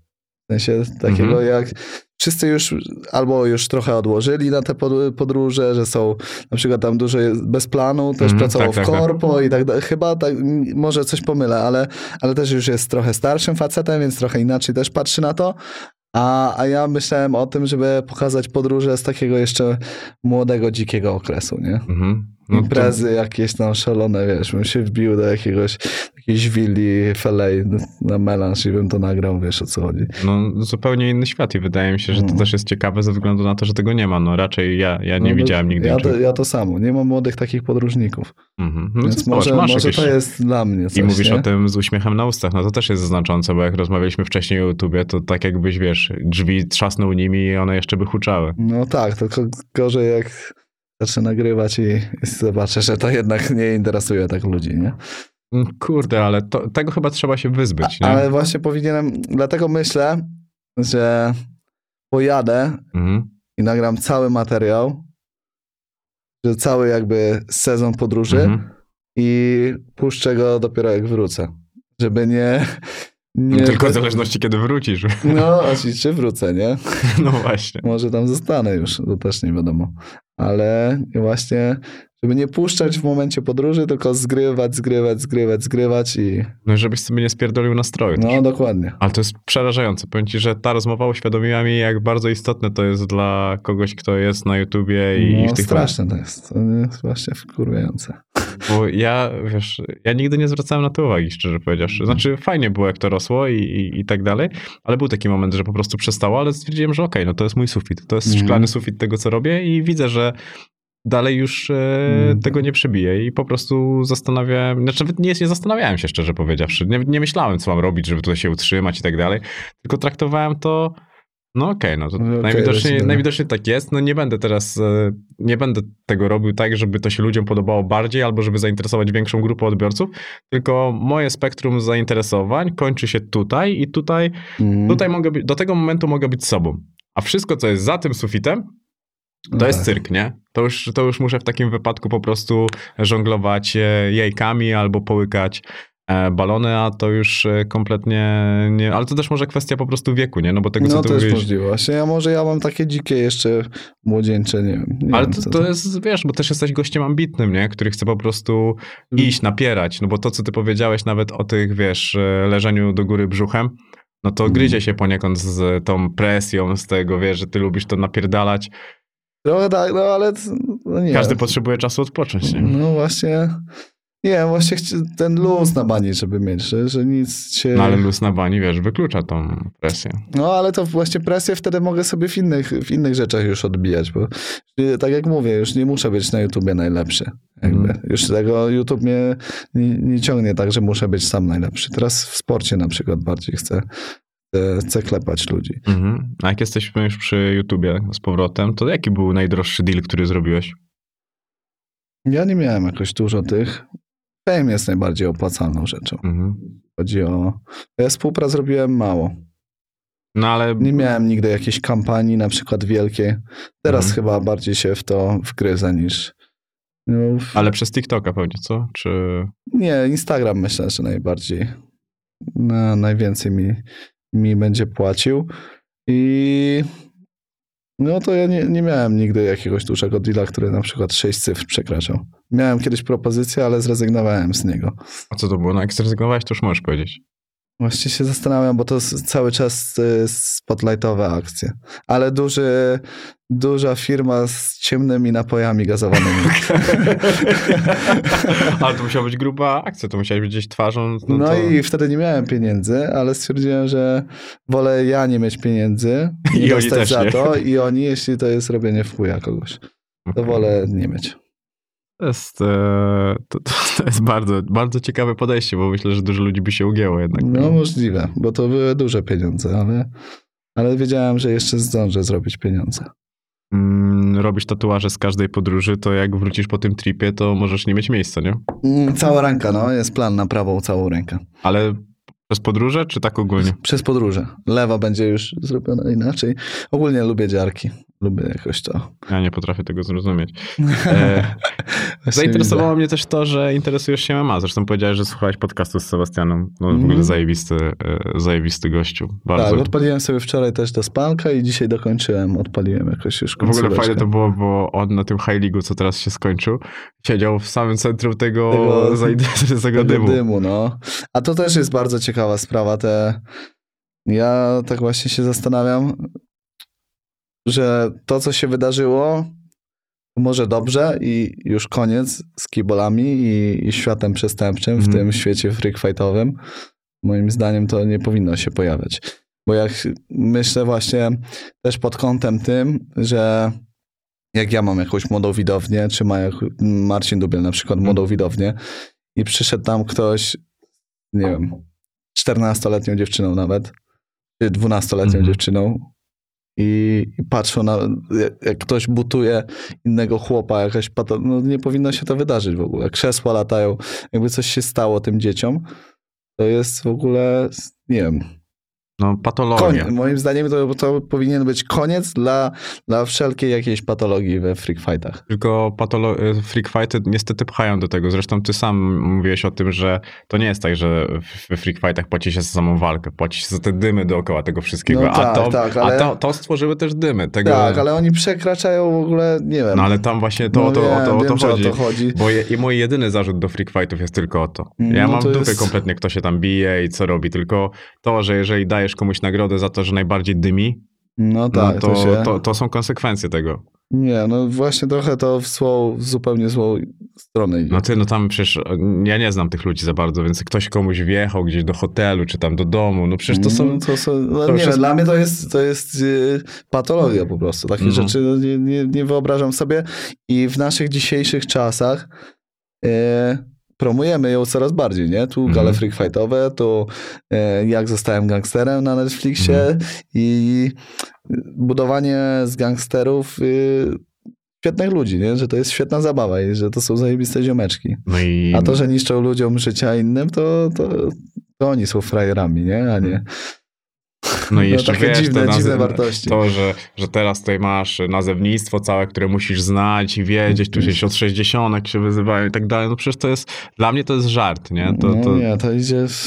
To idzie, bo to zaczynało się z, te, z, tego, to wychodziło z tego miejsca, ale szło cały czas do przodu i to się coraz lepiej to wyglądało, tak mi się wydaje. Mm. A, a doszliśmy znowu do takiego momentu, no, no. że jest tak dziwnie. Do rzucania szklanek na tych. No serio, no to dla mnie jest y, taki, no ja dlatego mam z tym problem, nie? Bo mm. to, że tam ktoś się bije w tej klatce mnie kompletnie nie interesuje. To, że ktoś zarabia taką dużą kasę, no kurwa, no znajdziesz takiego zawodnika w KSW, który generuje tak samo duże zasięgi jak ty? No chyba nie. No nie, nie, no tak. No, no możemy cię to, porównywać z Mamedem właśnie, i z Pudzianem. No, no dlatego, to, dlatego to tak e, działa chyba, bo właśnie jestem ciekaw, jaki był kiedykolwiek rekord KSW, jeśli chodzi o, o sprzedaż pay-per-view. Mm. Coś ktoś mi kiedyś mówił, że 60 tysięcy chyba. Bardęga i ktoś jeszcze i jest. No. E, no więc e, no... Więc tak właśnie no ja kumam o co chodzi, ale zauważyłem, że KSW teraz trochę właśnie tu zaprasza influencerów, tu jakieś znane osoby na jakichś mm. strefach fana, kibica, coś, zaczynają... Zmieniają. Ja no. nawet ostatnio wysyłałem SMS-a do Kawula po mm, tej ostatniej e, gali, bo powiedziałem mu, że zaczęli żyć, że walka jest od razu, walka Pudziana od razu była na YouTubie, od Mhm. razu generuje wyświetlenia, zaczęli żyć na TikToku, że po prostu trafiają Tak, już tak, do tak. młodych ludzi, wykorzystują to, że freak fighty są popularne. Tak, w końcu skumali jakoś, no, Mhm, jak, tak, jak że- to powinno się, robić. Bo tam chyba skończyła się zajawka. Kawul zresztą e, mi opowiadał o tym, że on zajerał się mocno filmami, poszedł w te filmy, a, e, a gdzieś te MMA było trochę, wiesz, tak, że jest, nie, bo to cały czas szło, Mhm. na, widać chyba, że doszli do takiej ściany. No jeżeli walczy tam dalej Pudzian, dalej Różal, dalej Mamet, wiesz, no masz ciągle tych samych gości. Pudzian debiutował 13 lat temu, a dalej on jest walką wieczoru. No to coś tam nie gra jednak, nie? No, ale, ale znowu Pudzian, nie, nie wiem, drugiej osoby takiej jak Pudzian chyba nie znajdą, bo mm, Pudzian generuje zainteresowanie na cały świat, nie? Mhm. Tam jest chyba ten Ariel Helwani, czy coś takiego to się nazywa, to taki, właśnie ja go bardzo kojarzę z komentowaniem e, wszystkiego, co się dzieje z MMA Mhm. i on tam właśnie zaprasza tego Pudziana. Nikt, nikt się tak nie przebija z Polski, żeby, żeby lecieć tam dalej, chyba że zawodnicy, którzy są w UFC, nie? Mhm. A tak to nigdy z KSW nie widziałem, żeby, żeby jego posty były na temat KSW.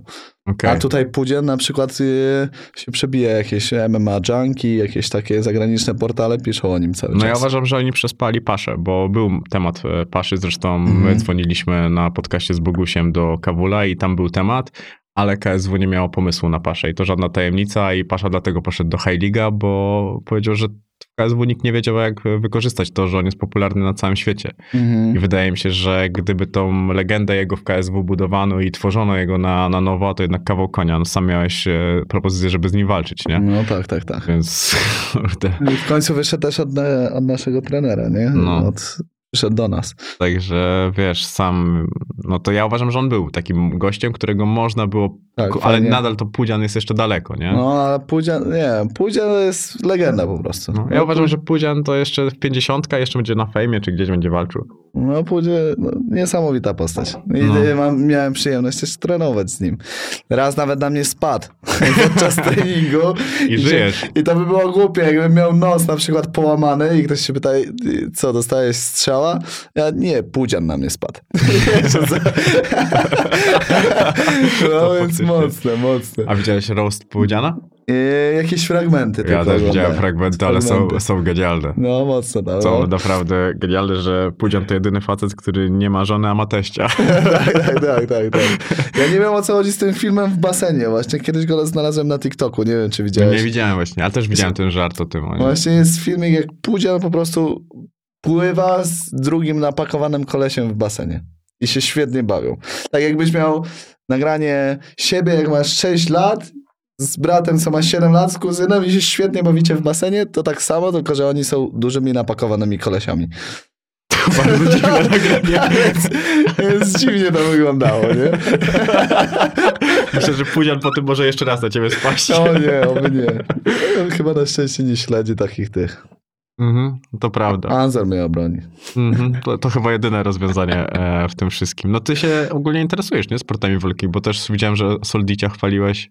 Tak, no trochę, trochę śledzenie, może trochę bardziej przy tych pierwszych walkach, bo jeszcze grałem sobie w UFC, to wtedy w ogóle znałem każdego już zawodnika, jak sobie pykałem.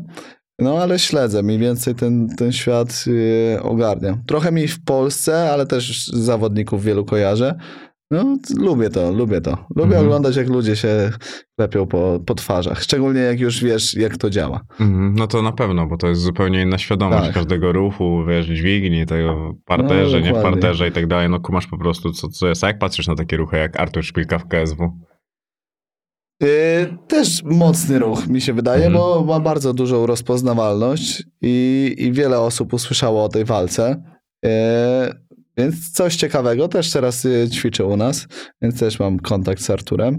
Yy, śmieszny ziomek w ogóle, taki pozytywny, nie? No, zupełnie inny niż można też go odbierać w mediach, serio, No, bo jak dokładnie. Artur był u mnie na podcaście, to też mu to powiedziałem, że wiesz, to jak masz tam szpilka, no to, że w górach musieli go ratować razem z psami, cokolwiek, tak, tak, dziwne tak, rzeczy, a jak poznajesz całą jego historię, to jest taki normalny gościu. No ja Artura bardzo lubię. Jakoś tak e, dobry kontakt złapaliśmy też na sali i jest bardzo pozytywnym kolesiem. Bo to macie dobrą ekipę na tej sali. No tam jest prze, no, mnóstwo ludzi teraz jest. No. To Alberto teraz z nami też ćwiczył, a Pasza właśnie, mhm. E, Pudzian się przewija czasami. Mhm. Brat Pudziana, Krystian też, też chodzi. No, jest On wam śpiewa ludzi. na pewno. No, tak, tak. A to oglądałeś ostatnią walkę Alberto? Oglądałem, oglądałem. No ja, ja byłem pełen podziwu, że Dubiel nie umarł tam wcześniej. Ja od zawsze, Marcin akurat tego mu nie można odebrać, że ma charakter do walki. Tak? Zawsze mhm. jest taki, że, że, będzie, że się postawi. To już w pierwszej walce tej takiej naszej widziałem, mhm. że, że tu że on, on ma charakter do walczenia. Jak wychodzi, to on wierzy w to, że wygra. A to jest bardzo ważna sprawa, że, no. że wydaje mi się, że on przez cały czas, jak wychodził do tego Alberto, to wierzył, że uda mu się wygrać. Tylko no. czasami e, staje przed nim ktoś, kto mu pokazuje, że wiara w siebie to nie wszystko. No, zdecydowanie nie wszystko.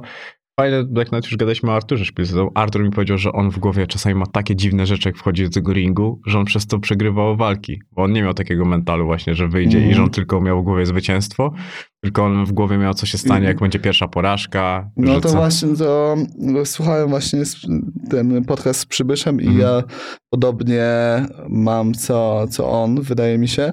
Tam był taki moment, gdzie mówiliście o tym, że nie dopuszczasz do siebie myśli o przegranym. -hmm. I on wspominał o zawodnikach, że są tacy zawodnicy, co jeszcze przed wyjściem do walki myślą o tym, co powiedzą, jak przegrają.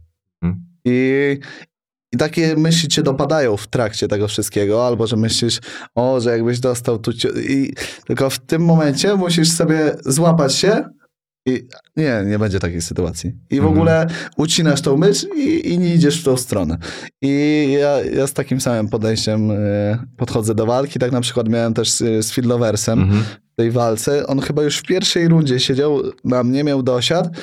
Ja tak pomyślałem przez chwilę, no, przejebana sytuacja ogólnie. Siedzi na mnie mhm. koleś, wpadł mocno, jest dzicz, siedzi na mnie i to jest najlepsza pozycja do kończenia walki. I tak myślę, jest trudno, ale nie, dobra. Anzor powiedział, że nie ma opcji, że nie wychodzę, tylko za każdym razem wstaję i sobie policzyłem. Raz, dwa, trzy, trzy i go zrzuciłem, nie? Mhm. Więc ja jakbym leżał i pomyślał, nie, to już z tej pozycji nie da się wyjść, to już bym nie wyszedł. Mental. No nie, nie możesz zostawiać sobie. W ogóle to, że jesteś w chujowym miejscu, to, to nie znaczy, że, że jest to nie do pokonania. Nie? Mm. Ma to wielowymiarowy a, a jeszcze bardziej sobie to obracam w tą stronę, że jak ktoś miał zajebistą pozycję i jak ją stracił, to w głowie musi mieć, kurwa, ten ziomek jest dobry, nie? Że, mhm. że byłem w takiej pozycji i to straciłem. Albo w drugiej stronie, ale jestem chujowy, bo no to jest i, kwestia... i jemu to wpływa. Ja też mhm. tak na przykład mamy, pamiętam i z właśnie tym Mateuszem to robiłem mhm. i z Marcinem, że chyba z Marcinem. Tak, tak, tak że ktoś mnie trafia na przykład i czuję, że to jest, e, że dał z siebie dużo i że to były mm. jego najmocniejsze ciosy i jakaś najmocniejsza kombinacja. Odsuwam się, patrzę na niego i rozkładam ręce i macham głową, że to nie jest to. Tym, tym mnie nie ubijesz. I, I, wiem, że to mu w głowie podkopuje, nie? I, i zabija twój mentor. No, Jak bo patrzy, jest... zrobiłeś wszystko, a ten koleś mówi, no to nie wystarczy. No, bo to, to jest jednak takie, że to jest gra, gra głowy, no bo tutaj po prostu rozgrywasz taką swoją partię szachów, wiesz, tak, fizycznie. Tak, tutaj po prostu chodzi o to, żeby pokazać nie tylko umiejętności, ale też właśnie psychika, nie? Mm. Jak reagujesz i, i tak dalej, i tak dalej. Ty też powiedziałeś, że dzięki MMA zrobiłem się spokojniejszy. A z drugiej strony, że MMA dodało ci dużo pewności siebie. To też pokazuje, jak ty dużo kumulujesz, wiesz, wewnątrz, nie? Tego, tego wszystkiego. No tak, tak. Kiedyś taki byłem też bardziej tu, jak się podpiłem, to tak bardziej dobitki, a teraz... Tak? No czasami się ten, w sensie nie jakoś bardzo, ale, ale no zdarzało mi się bić wiele razy. Wiele, w sensie kilka, nie, że kilkanaście. No więcej niż w oktagonie po prostu. No, no, no, no, ale to tak też bardziej w skrajnych takich przypadkach. Raczej ktoś musi do mnie podnieść rękę, żebym mhm. ja zaczął się bronić. Ale no do końca walczę. Powiedziałeś też, że influencerzy nie potrafią się wycenić i że te walki wszystkie będą droższe. Bo ja mam odwrotną teorię, że teraz dużo ludzi chce tam walczyć. I że, no, a to kiedy to było? To musiałem dawno powiedzieć. No, z dwa lata temu gdzieś. No, to już. No, bo to wydaje się, że to będzie coraz tańsze. No, no, to będzie dużo tańsze. No, co pozmieniał się rynek cały. Bo... Ale y, rosną chyba jeszcze ceny. Za najpopularniejszych na pewno, ale hmm. za taką średniawkę uważam, że dużo Tak, bo jest każdy chętny, żeby skoczyć i się tak, pokazać. Bo też nie? to jest właśnie fame. Hmm. To, to w samej nazwie. To po prostu tam idziesz i boostujesz to. Tak, tak, tak. W ogóle dla mnie to jest ciekawe w, ty, w, tym, w tym YouTubie i tym całym rynku influencerów, że tam zamiast ludzie unikać kryzysów takich, żeby nie napierdalać się między sobą wizerunkowo już nawet mówię, żeby nie tworzyć dram, żeby nie odpychać, to ludzie kiedyś boostowały związki, a dzisiaj Wiesz, tylko dramy, nie? Tylko dramy, naprawdę. I to jest się, No właśnie dlatego też trochę odchodzę od tego YouTube'a i tak dalej. A nie masz wrażenia, że po prostu YouTube musi dorosnąć i zrozumieć, że to nie, to, że to jest tylko krótkoterminowe, nie? Bo to krótko... Ale to właśnie te trendy będą się zmieniać co chwilę. To jest, wiesz, Ale uzależnienie... to będą kłótnie, a zaraz będzie coś innego, nie?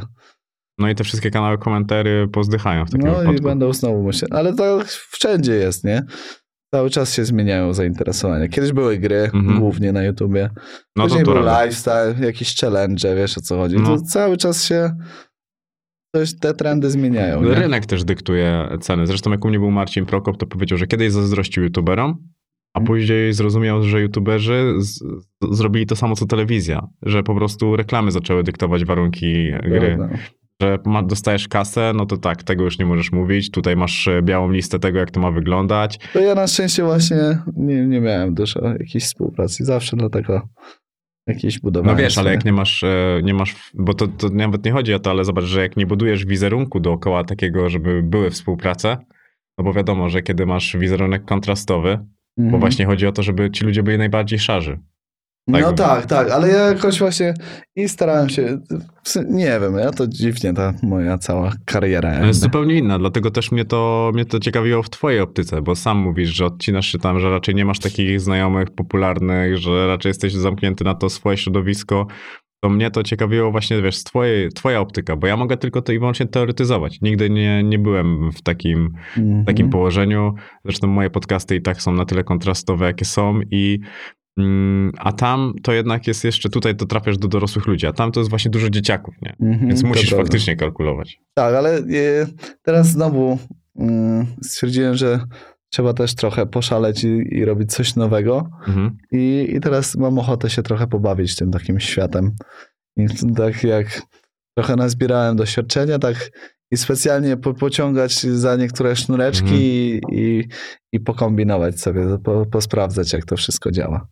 Mhm. Czyli już też dojrzalej, świadomie. No, no tak, e, no tak już sobie zobaczyć, że a co się stanie, jak zrobię tak, a może jak jak tu zrobię to coś innego, a może mhm. coś specjalnie powiem głupiego, żeby sprawdzić, jak to, jak to działa, a może wiesz o co chodzi. Mhm. No, Teraz... No, jak najbardziej, bo nawet Manson, ja już kiedyś przytaczałem ten przykład na podcaście, Manson tak robił, że on był kiedyś dziennikarzem muzycznym i on dokładnie wiedział, jak grać z dziennikarzami w grę, żeby się ponapierdalać po prostu, mm. żeby się trochę pośmiać, sprowokować. Specjalnie to Aha, robił, tak. właśnie i myślę, że trochę te, też fame na tym polega, żeby trochę fajnie ugryźć jakoś, albo specjalnie zrobić e, z siebie nie, czasem głupka, ale żeby wtedy to będzie klikalne może mhm. bardziej, nie? Już, już, bardziej świadomie do tego podchodzić i, i, i trochę zdystansować to, się od oceny siłą tak, rzeczy. i trochę to skeszować bardziej jeszcze, nie? Mhm.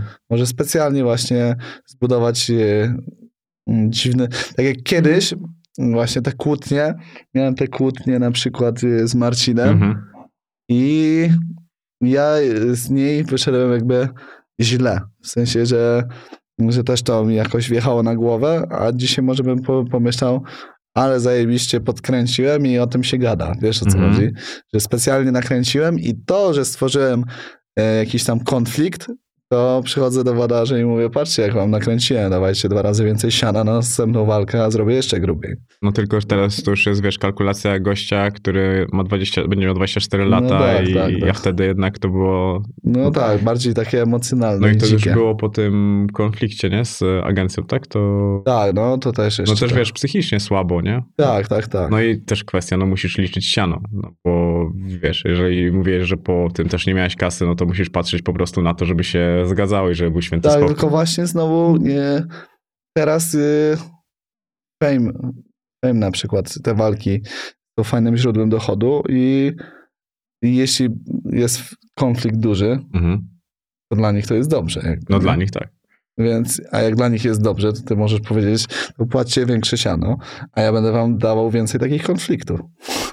To tak, tylko tutaj wiesz, to jest, zataczamy no tak, koło do tego, że, koło, no że, tak. że, że, nie z każdym przecież można się kłócić. No to prawda, trzeba mieć do tanga, trzeba dwojga. Mhm. I myślę na przykład Norman Park, nie wiem, czy mhm, tak, kojarzysz tak, tak postać, tak, on idealnie w to gra, nie? On idealnie, tak. On idealnie. I, jeszcze jest i zdystansowany do tego. I on e, idealnie dobiera sobie też przeciwników, w sensie przeciwników. Nie myśli tylko o walce, tylko myśli o tym, jak stworzyć e, fajne demy na konferencji, nie? Mhm, tak. I właśnie prawda. i na tym zarabia grube siano. Bo on jest świadom, dobierając sobie przeciwników, że będzie umiał ich podkręcić i wyzwolić. On ma zupełnie tych... inny mental też. No tak, tak, tak, ale właśnie o to mi chodzi, że tu trzeba trochę zacząć e, grać jakby patrzeć z trzeciej perspektywy, mm -hmm. nie? Że nie, że trzeba trochę, trochę chyba czasem przyświrować specjalnie i dobrać sobie przeciwnika, w sensie takiego, że pomyślisz, a wiem jak go wkurwić, wiesz o co mm -hmm. chodzi? I wtedy, że to będzie budziło za, zainteresowanie ta walka. Bo na przykład z Fiddloversem walczyłem, no i, i była nuda, nie? W sensie walka była ciekawa, ale konferencje były nuda, no bo nie było co się tam kłócić. No, tylko wszystko chodzi zawsze o proporcje, bo jak ja znam na jedną historię, na pewno autentyczną, że jeden gościu dzwoni do drugiego e, i pyta się, ty mogę zerwać na, z ciebie koszulkę na konferencji? A, to, to, to nie, to takie rzeczy to mnie, to nie, nie, nie, ustawianie, ustawianie jakichś rzeczy, to nie interesuje mnie, to chodzi właśnie mi o inteligentne dobieranie przeciwników, żeby to wybiega naturalnie. Mhm. Że no, ale czujesz... wiesz, bo to też może być przepychanka intelektualna. Możemy no. to traktować tak samo jak walkę na, w oktagonie, ale nie wchodzimy tam personalnie. Dokładnie, tak dalej, no, bo... no, dokładnie. Na po... przykład Don Diego ostatnio, nie wiem, czy śledziłeś. Nie, nie, nie. nie. To teraz właśnie on z tym Denisem. E, to jest ta walka, co się nie odbyła, tak? Tak. I, mhm. i Don Diego, wiesz, intelektualnie koleś pięć poziomów wyżej, nie? I go ale startował od zera.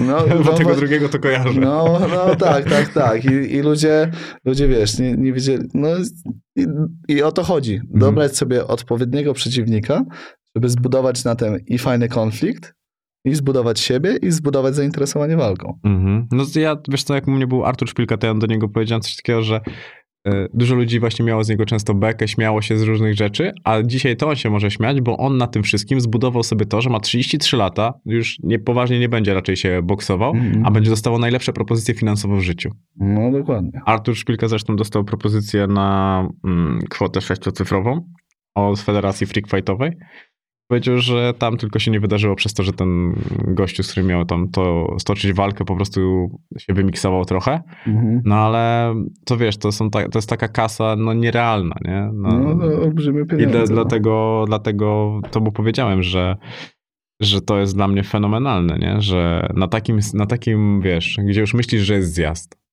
Tak, a tu Dostajesz, no to tak jak Pudzian. No. Właśnie dlatego to jest ten świat yy, show biznesu, sportu, ogólnie świat mhm. publiczny tych mediów, to jest, y, nie wiem, ja się siedzę w tym tyle lat, mi się wydaje, a cały czas się uczę, nie? Znaczy, jest... na pewno nie można uwierzyć w to, bo to, to wydaje mi się, że to jest największy grzech tego wszystkiego, że to ludzie za... w to wierzą. Tak, to znaczy, to jest gra trochę, nie? Wszystko to jest bardzo się... gra, moim to zdaniem. I... To jest trochę prawda. Tak, trochę prawda, no to dobre określenie. I ja tak właśnie zacząłem sobie uświadamiać, jak to działa i trochę mam ochotę teraz pograć. No i dobrze może, nie? Bo też to, co powiedziałeś o tym rozstaniu, że, że trener ci powiedział, że właśnie teraz e, powinieneś e, dużo robić, bo to jest chyba też trudne spotykanie się z kimś, kto też jest popularny. To jest zupełnie inna relacja. Kurczę, tak. nie, nie wiem, bo nie spotykałem się z kimś, kto jest niepopularny. W sensie nigdy nie byłem w związku z kimś, kto jest niepopularny, bo miałem jedną mm -hmm. dziewczynę. No tak, ale, ale nie patrzyliśmy pod takim względem, bo też wyrastaliśmy jakby wspólnie w tym wszystkim. Mhm. No tylko, było, tylko wiesz, to jest e, tak, że te powiedzmy wasze problemy, albo ludzie mogą wymyślać sobie wasze problemy, mm. bo nie nagrywacie coś, bo ty się tu nie pojawiasz i tak dalej. No pewnie gdybania zawsze jest bardzo dużo i te wiesz, mm. plotki rodzą się same. No, kiedy masz e, dziewczynę, która w ogóle nie jest w mediach społecznościowych, albo wiesz, jest tam takim normalnym, szarym e, człowiekiem, no to, to nikt się nie zastanawia, że tutaj się dłużej nie pokazuje, albo w ogóle jej nigdy nie pokazujesz i możesz trochę mieć więcej spokoju i dystansu do tego wszystkiego. No tak, tak. To jest. No, no ludzie lubią snuć sobie jakieś. jakieś no jak wymysły. ja nawet czytałem o tym, wiesz, tym, że wy nie mogliście mówić, że jesteście w związku. A to już to nie była spowodowane nami. No ja wiem, wiem, wiem, tak, ale no, to, to też pojebane. No, pojebane. No to dlatego ja uważam, że to wiesz, to tak jakby ci ktoś tam wirówkę do tej głowy wrzucił i wiesz, i mieszasz, nie? No to no cię, ciężkie ten. No ogólnie cały, cały ten związek myślę, że nauczył nas bardzo dużo. Mhm. Ja jestem szczęśliwy z tego okresu. Tylko niestety jakoś tam się nie, nie poukładały te, te drogi i jestem dumny z nas, że tak świadomie potrafiliśmy do tego podejść, że jak dorośli ludzie, a nie jak y, wszyscy, co dookoła w, inter, w internecie byli razem i później mhm. się y, zaczęły jakieś dramy, a my podeszliśmy poważnie, ustaliliśmy coś i jestem y, z tego dumny, naprawdę. Też pewnego rodzaju dojrzałość. No właśnie Niespotykana nawet tak, bym powiedział. No, ja, ja jestem bardzo dumny z tego, jak to wyszło. No, no bo tutaj oczywiście można by było boostować zasięgi. A, no wiadomo, na, na takiej dramie teraz się, wiesz, pokłócić, to cała Polska by gadała, no a my nie wybraliśmy takiej drogi. Mhm. A rozstanie dobrze twoja głowa zniosła? No bo jeżeli mm. miałeś zająć się czymś, no to... Nie, myślę, myślę, że dobrze, dobrze. I to Ha, no jakby odżyłem mhm. przez to. Jakby to źle nie brzmiało, ale myślę, że... No to chyba dobrze brzmi, no bo po to się rozstałeś. Tak, no i, i ale żeby nie źle brzmiało, że w związku. No, no tak, no, ale widzę, że chyba Julka też, z tego co tam słyszałem, to też odżyła, więc takie było założenie naszego rozstania, że skoro to nie szło w dobrą stronę, to po to się rozstajemy, więc... Y chyba dobrze to wszystko dla nas wyszło. Ja teraz mam taki okres poznawania świata. Na nowo. Na nowo. To bardzo dobry moment chyba też na, na poznawanie świata. No, fajny wiek, trochę właśnie teraz wszystkiego można... Kończyła się epidemia. Tak, tak, tak. No właśnie życie, życie rusza, zaczyna się lato. No, ciekawy okres przede mną. Mhm. Ty się interesujesz też jakąś polityką, czymś takim, czy kompletnie nie?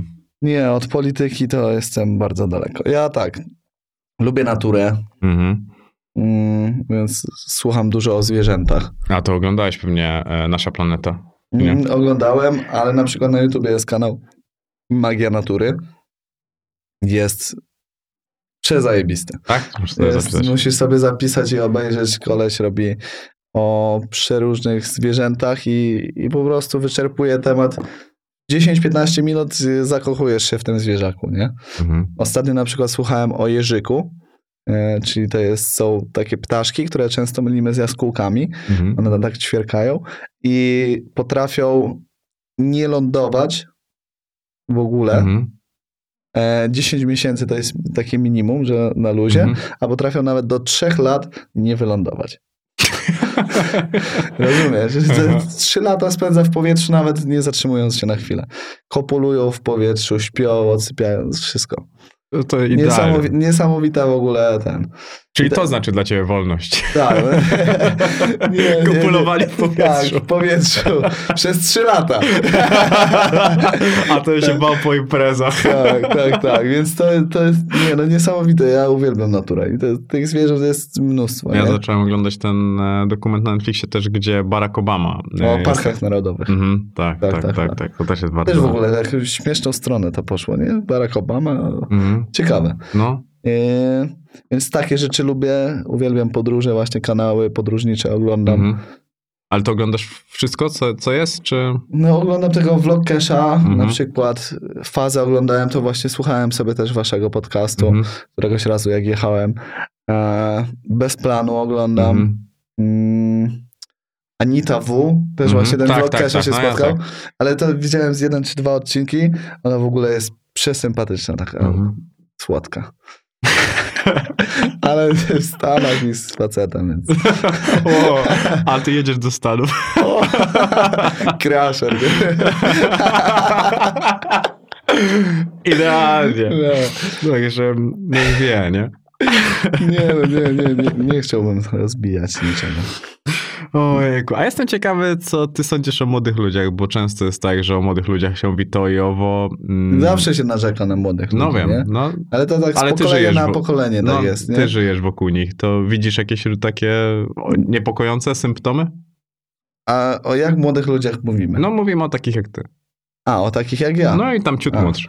E, nie no, każdy się rozwija w zupełnie jakimś innym etapie, w in, innej epoce. Inaczej to wszystko idzie. Nie wiem, dla mnie ostatnio rozmawiałem może bardziej o młodych ludziach, tak jak o, o, o dzieciach mojego brata. Mhm. To rozkminiałem, że oni mają przezajebisty okres taki, że będą nagra mieli nagrane całe swoje dzieciństwo. Mhm. Ja tak na przykład nie miałem. Ty też pewnie nie no, miałeś. Nie, nie, nie. Nie masz takiego. A ja pojechałem teraz na urodziny i wziąłem telefon, e, wziąłem e, Oliwiera, wziąłem Miję i takiego Stasia e, i odpaliłem kamerę i mówię powiedzcie sobie coś, co wam puszczę za 10 lat, Mhm. że wysyłacie wiadomość w przyszłość. No i Oli mówi, że jego marzenie to tyranozaur, który oddycha cukierkami, nie? I to Mhm. będzie przezajebiste nagranie, jak za 10 lat się spotkamy i ja powiem, patrz Oli, co tu się działo, nie? Co ty miałeś w głowie. I, i tego na przykład im zazdroszczę. Mhm. To, to jest super sprawa. E, co o młodych ludziach? No tak jak zawsze jest. Nie, nie, nic się nie zmienia moim Mhm. zdaniem w świecie.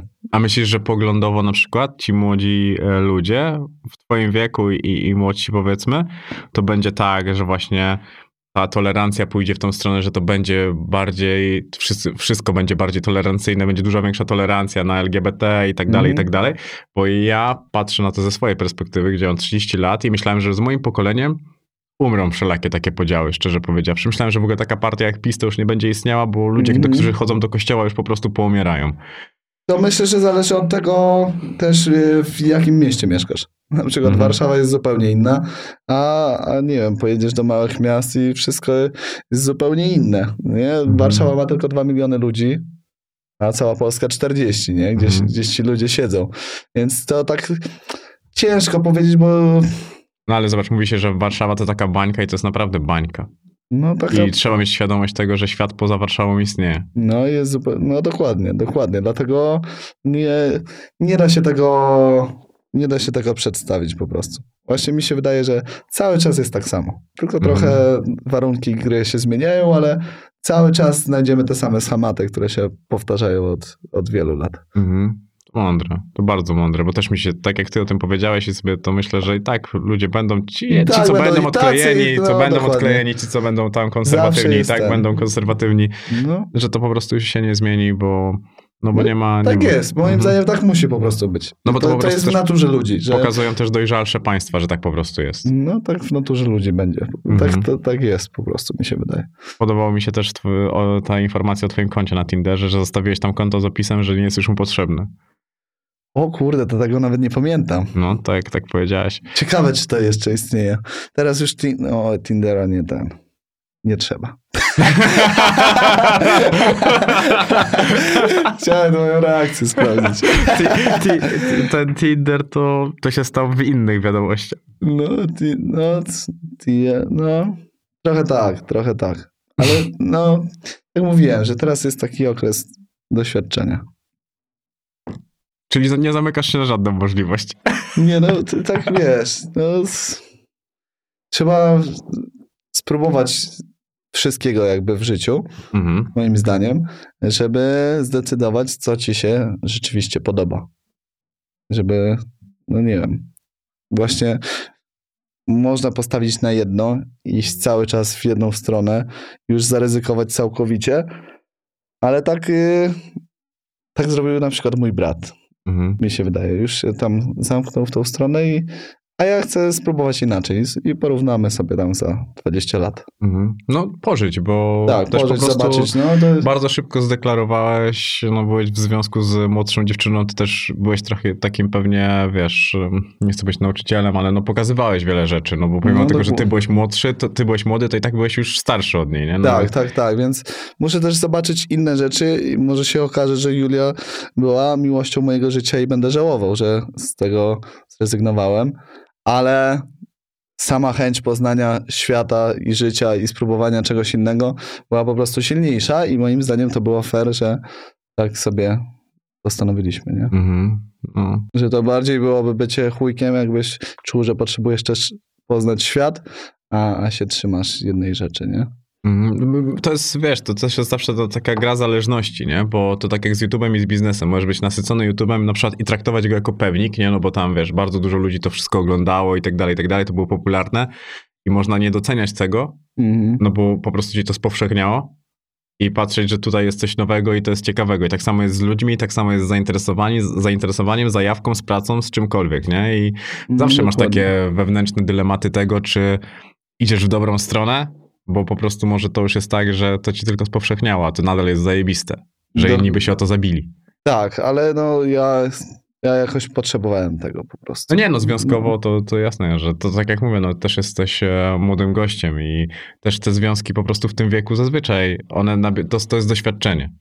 No ja się mnóstwo nauczyłem. No i też dużo rzeczy przetrwaliście temu. razem. No, no, to jest naprawdę, mnóstwo się nauczyłem i dlatego też na przykład nie, nie chciałem usuwać wspólnych zdjęć i tak dalej, bo to jest y, piękna historia. Może jeszcze się złączy za 10 lat, nie? No jasne, że tak. Nie, nie wiesz, jeżeli się rozstaliście w zgodzie, jesteś, nadal mm. macie do siebie duży, duży sentyment z tego, co ty mówisz, czyli jak o tym opowiadasz. To, to, to przecież nie można niczego nigdy wykluczać, nie? No, dokładnie. Życie, życie, napis, życie pisze swoje scenariusze, a pierwszą, e, pierwszym tatuażem, który sobie zrobiłem, to jest nigdy nie mów nigdy. I mm. bo to, to, to nie ma sensu. No dokładnie, nie, nie bo to, to, to wiesz, to, to nigdy, nigdy nie mów nigdy, naprawdę. I to, jest, to są słowa pułapki, jak nawijał Eldo. Nigdy, zawsze i na pewno. Mm-hmm. To jednak można się e, często na tym wszystkim podje- przejechać. A ty teraz montujesz sam wideo, czy zawsze montowałeś sam? Mm, na początku montowałem sam, później był Teamix i potem też odsyłałem ludziom, mhm. a ostatnio montowałem samemu znowu. I sprawia ci to zajawkę? Tak, no ja, ja, lubię jakoś tą swoją wizję jakoś prze, przekazać. Zazwyczaj jak komuś daję, żeby zmontował, to, to nie ma takiego flow jakby. Mhm. Mnie też zastanawiało właśnie, co ci sprawia taką autentyczną radość, że cieszysz się, już abstrahując od sportu mhm. walki, ale że po prostu jara cię to że granie w gry, nie wiem, cokolwiek. Zastanawiało mnie... Mm, co, to czy... grałem w gry bardzo dużo, mhm. to lubię, lubię właśnie. Ale dalej grasz? Teraz y, właśnie staram się wychodzić do ludzi bardziej. Mhm. Jest ten ciepły okres, y, spotykać się jak najwięcej, y, krążyć po mieście, poznawać i tak dalej. To, to mnie teraz jara mhm. właśnie. Tu pójść na jakąś, nie wiem, na jakąś imprezę. Teraz właśnie nie piję alkoholu. E, więc jadę sobie autem na imprezę i, i, nie wiem, bawić się na trzeźwo, nie? I to też jest coś nowego dla mnie. Mhm. I sobie, wiesz, y, to, to mi sprawia przyjemność. Tu poznać, tu zagadać do kogoś. To, to, to jest też taki okres teraz. I to po polsku, i w Polsce. I to po polsku, i w Polsce, no i, ale po angielsku też ten. W Polsce też się. to na randki już chodzisz, czy jeszcze nie? Yy, byłem na kilku. I fajnie? Fajnie, fajnie. No właśnie z jedną dziewczyną nie z Polski, która zupełnie po polsku na przykład nie gadała. Mhm. Spotykałem parę razy. No tak, no właśnie Właśnie teraz jest okres takiego spotykania się. No nie, no, no. dla mnie to jest zupełnie naturalne. Zresztą I, i deklaruję, deklaruję to od razu właśnie. Nauczyłem się, że mówię od razu, że to jest, wiesz, tu ja jestem, nie szukam związku teraz, więc proszę się nie angażować w taki sposób. Mm, Dziarma u mnie mówiła w ogóle, że była w takiej relacji, że 4 lata się spotykała z kimś, ale tylko i wyłącznie na, na seks i mhm. że nie, nie chciała. No właśnie, związku. moim zdaniem to, to, to trzeba od razu e, powiedzieć. Znaczy to jest bardzo uczciwe. Tak, dać, dać od razu znać i, i dać to odczuwać, że to nie jest, że to nie jest miłość teraz, bo to nie jest czas na miłość. E, sobota rapowo, jebać miłość?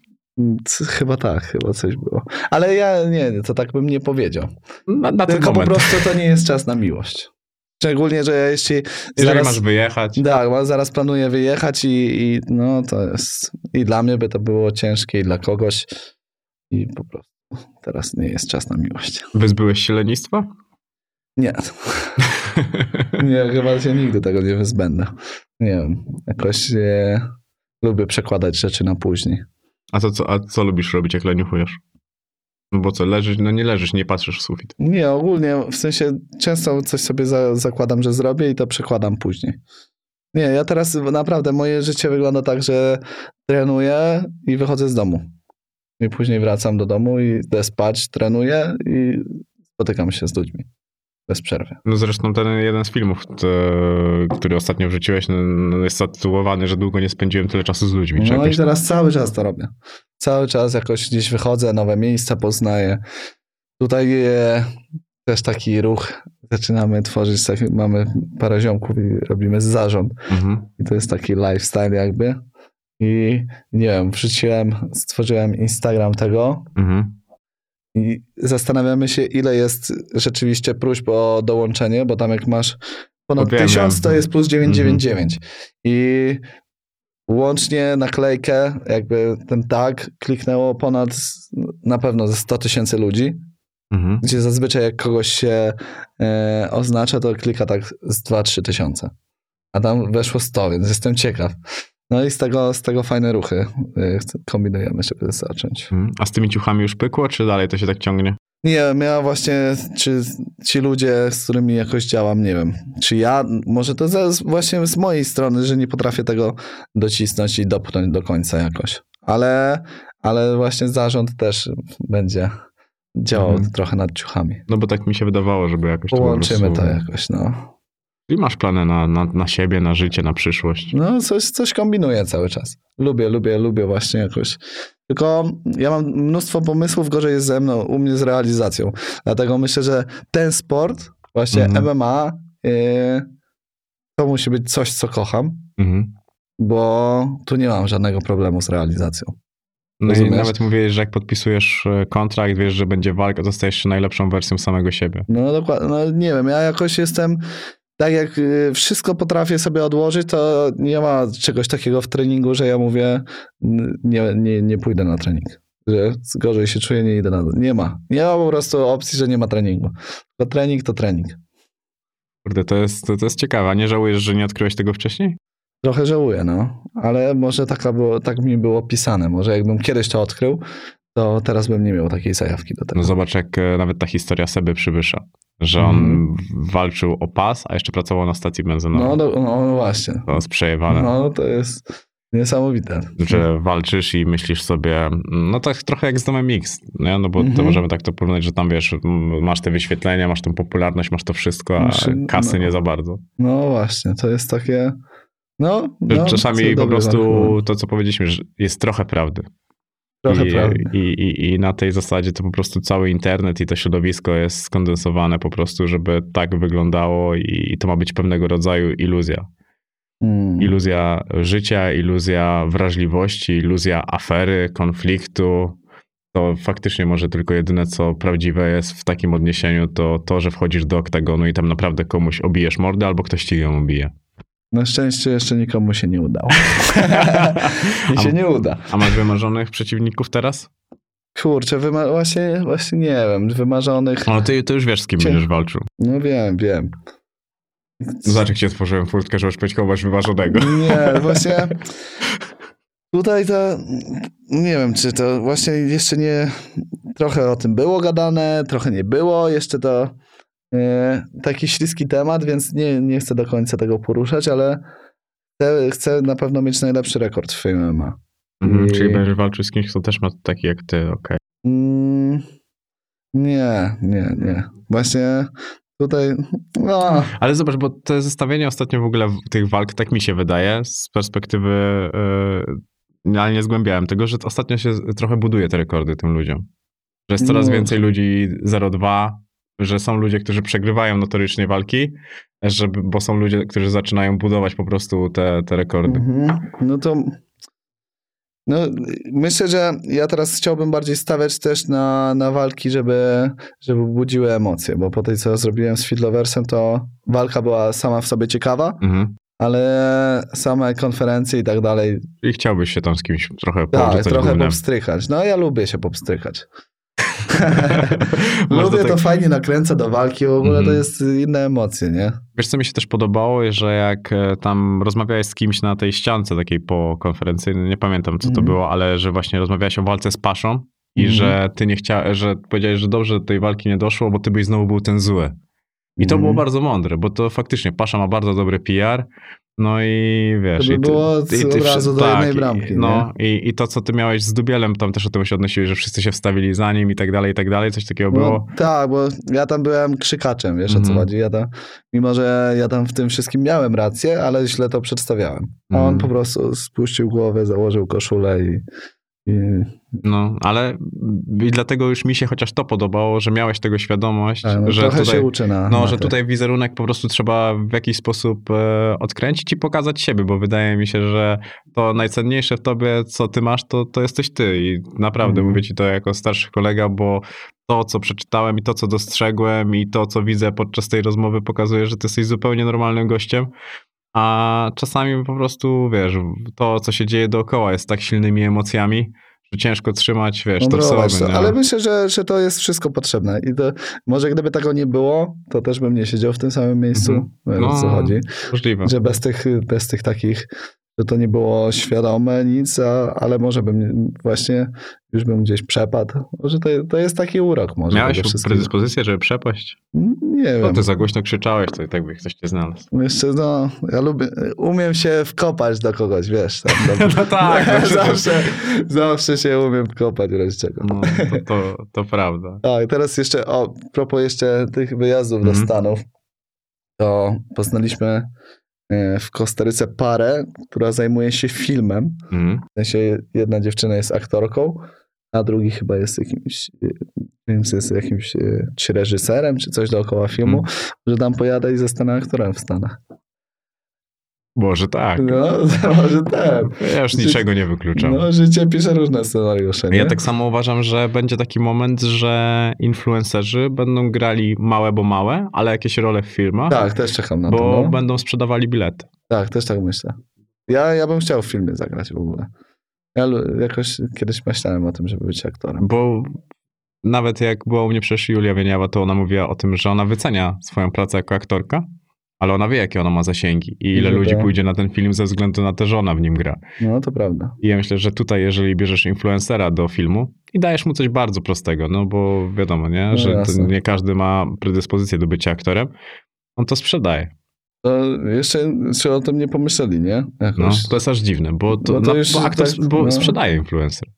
Szczególnie na jakichś wegach, które uwielbia te takie, wiesz, tu w jakieś Dody tam, tak? Chyba mm -hmm. grają, nie wiem. E, tak, Doda u niego grała, no. Chyba tak, że kuma jakby, że to sprzedaje, to czemu oni skumali jeszcze, że można wziąć influencera? No bo wydaje mi się, że e, show biznes e, patrzy na internet tak, wiesz, przez takie... No, że się, oni się czują, że są lepsi. Mm -hmm, tak, tak. To, to myślę, że to takie bardzo trafione wrażenie. No, mają poczutkę, że się ten...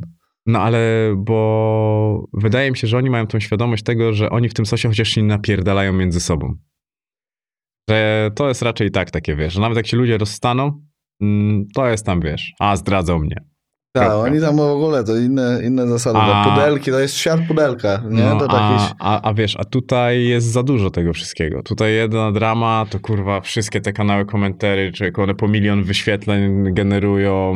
To no, ja dużo, już przestałem to śledzić w ogóle. Za dużo gówna przestało... dookoła tam po prostu pływa i Wydaje mi się, że przez to oni patrzą na ten e, świat w, w taki sposób. Nie, no ale w show biznesie więcej główna jest przecież. I to jest, ale dużo jest schowanego. To oni się nauczyli chyba w nim pływać po prostu, mm -hmm. w tym mhm. szambie i tak. im to nie przeszkadza.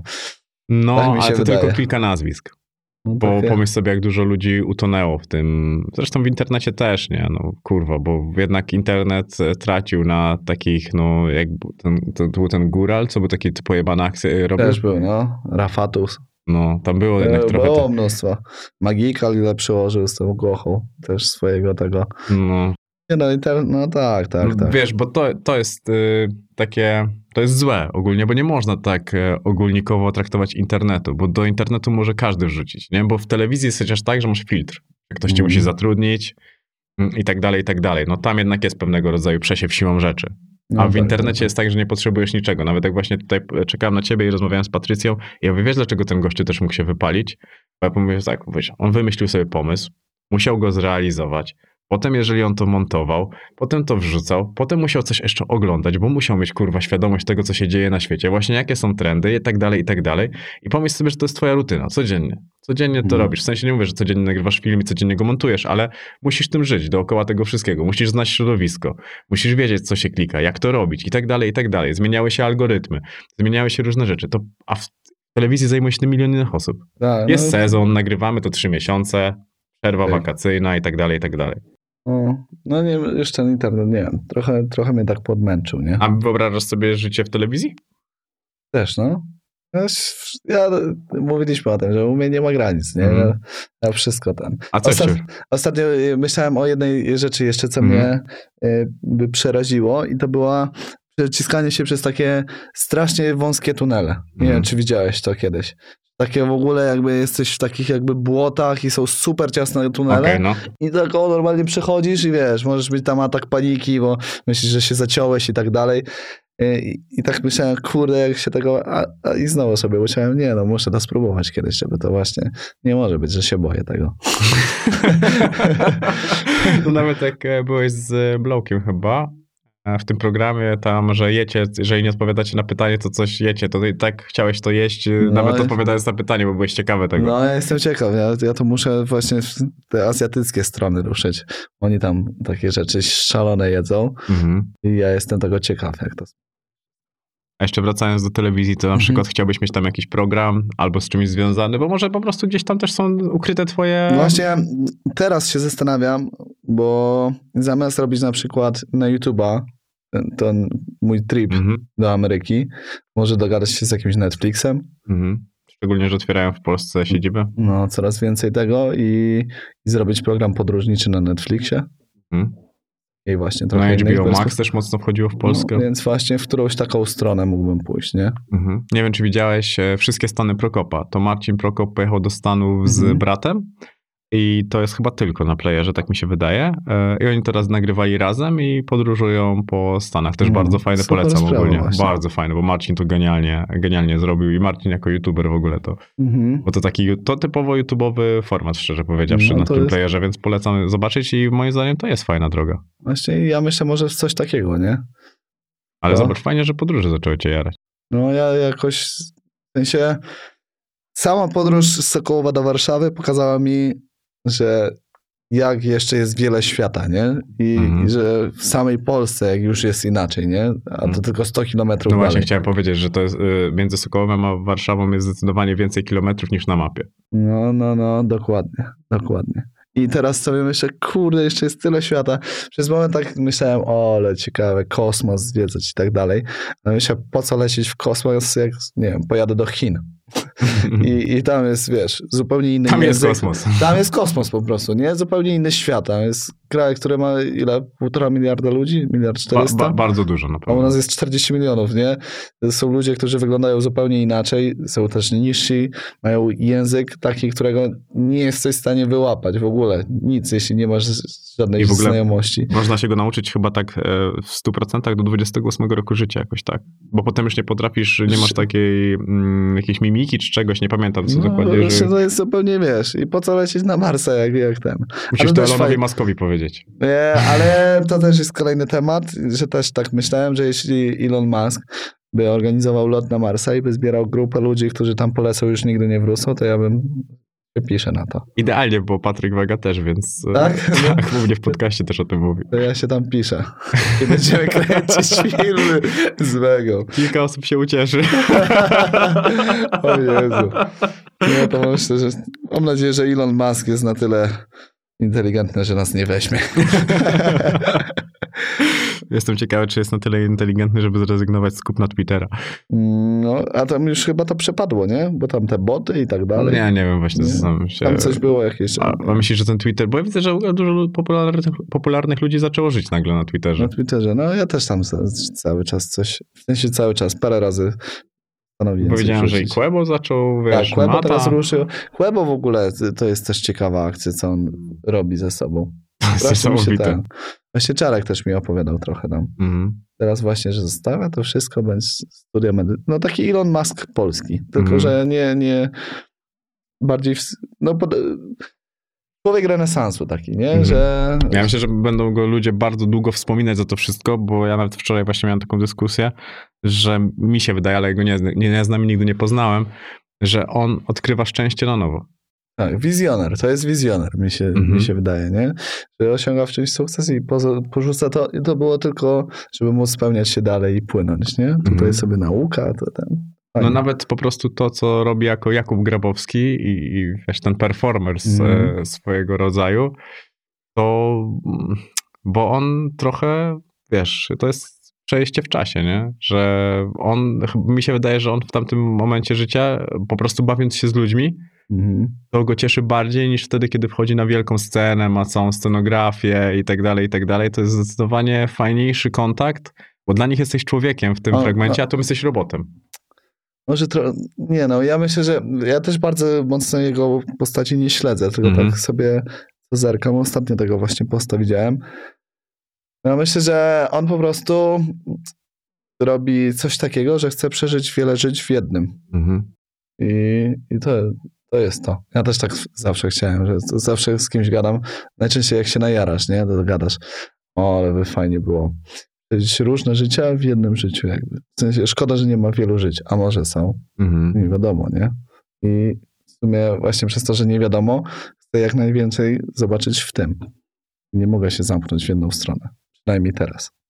Hmm. Szczególnie kiedy masz możliwości. No dokładnie. Dostałem tą, tą szansę całą, że czy, tu, czy te pieniądze, że mam możliwość w wieku jeszcze 23 lat nie, stwierdzić, że jadę na 3 czy 4 miesiące w podróż po Ameryce, bo tak mi się ubzdurało, nie? Mhm. No to jest... No jednak fame, fame ma płaci. No. no. Ale trzeba właśnie reinwestować te pieniądze. No wiesz, to tam kontrakty powyżej 400 tysięcy to już jest kas. Mm, może. Nie, no to przecież to jest logiczne, to tam przecież oboje o tym e, e, wiem. Za mniej to nie ma sensu. Hmm. Bo to jednak, e, ale myślisz, że, w, bo mnie to zastanawia, bo to jeszcze jest mimo wszystko mała konkurencja między High a Fame'em. W sensie takim, że ja do, czekam, Niż aż się oni, chyba dogadują. Ale właśnie ja, ja myślałem, że oni zamkną się na siebie, szczerze mówiąc. Nie, to właśnie w drugą stronę. Po co przypłacać ludzi, jak można się...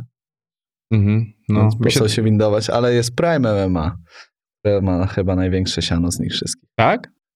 Przebija. Ojejku, a to nie, nie, nie przypuszczałem, ale właśnie, no. bo tam była afera chyba z Normanem, tak? O, o to... Coś, coś była akcja jakaś, no. Ale no, Prime, z tego co słyszałem... A to Prime to jest Don Casio? Casio to jest tylko tam, wiesz. Ale Parzą, jest tak, tak, no to to. Okej, okay. to nie wiedziałem, że ja myślałem, Oni tam że... chyba z Polsatu mają w ogóle jakieś tam plecy.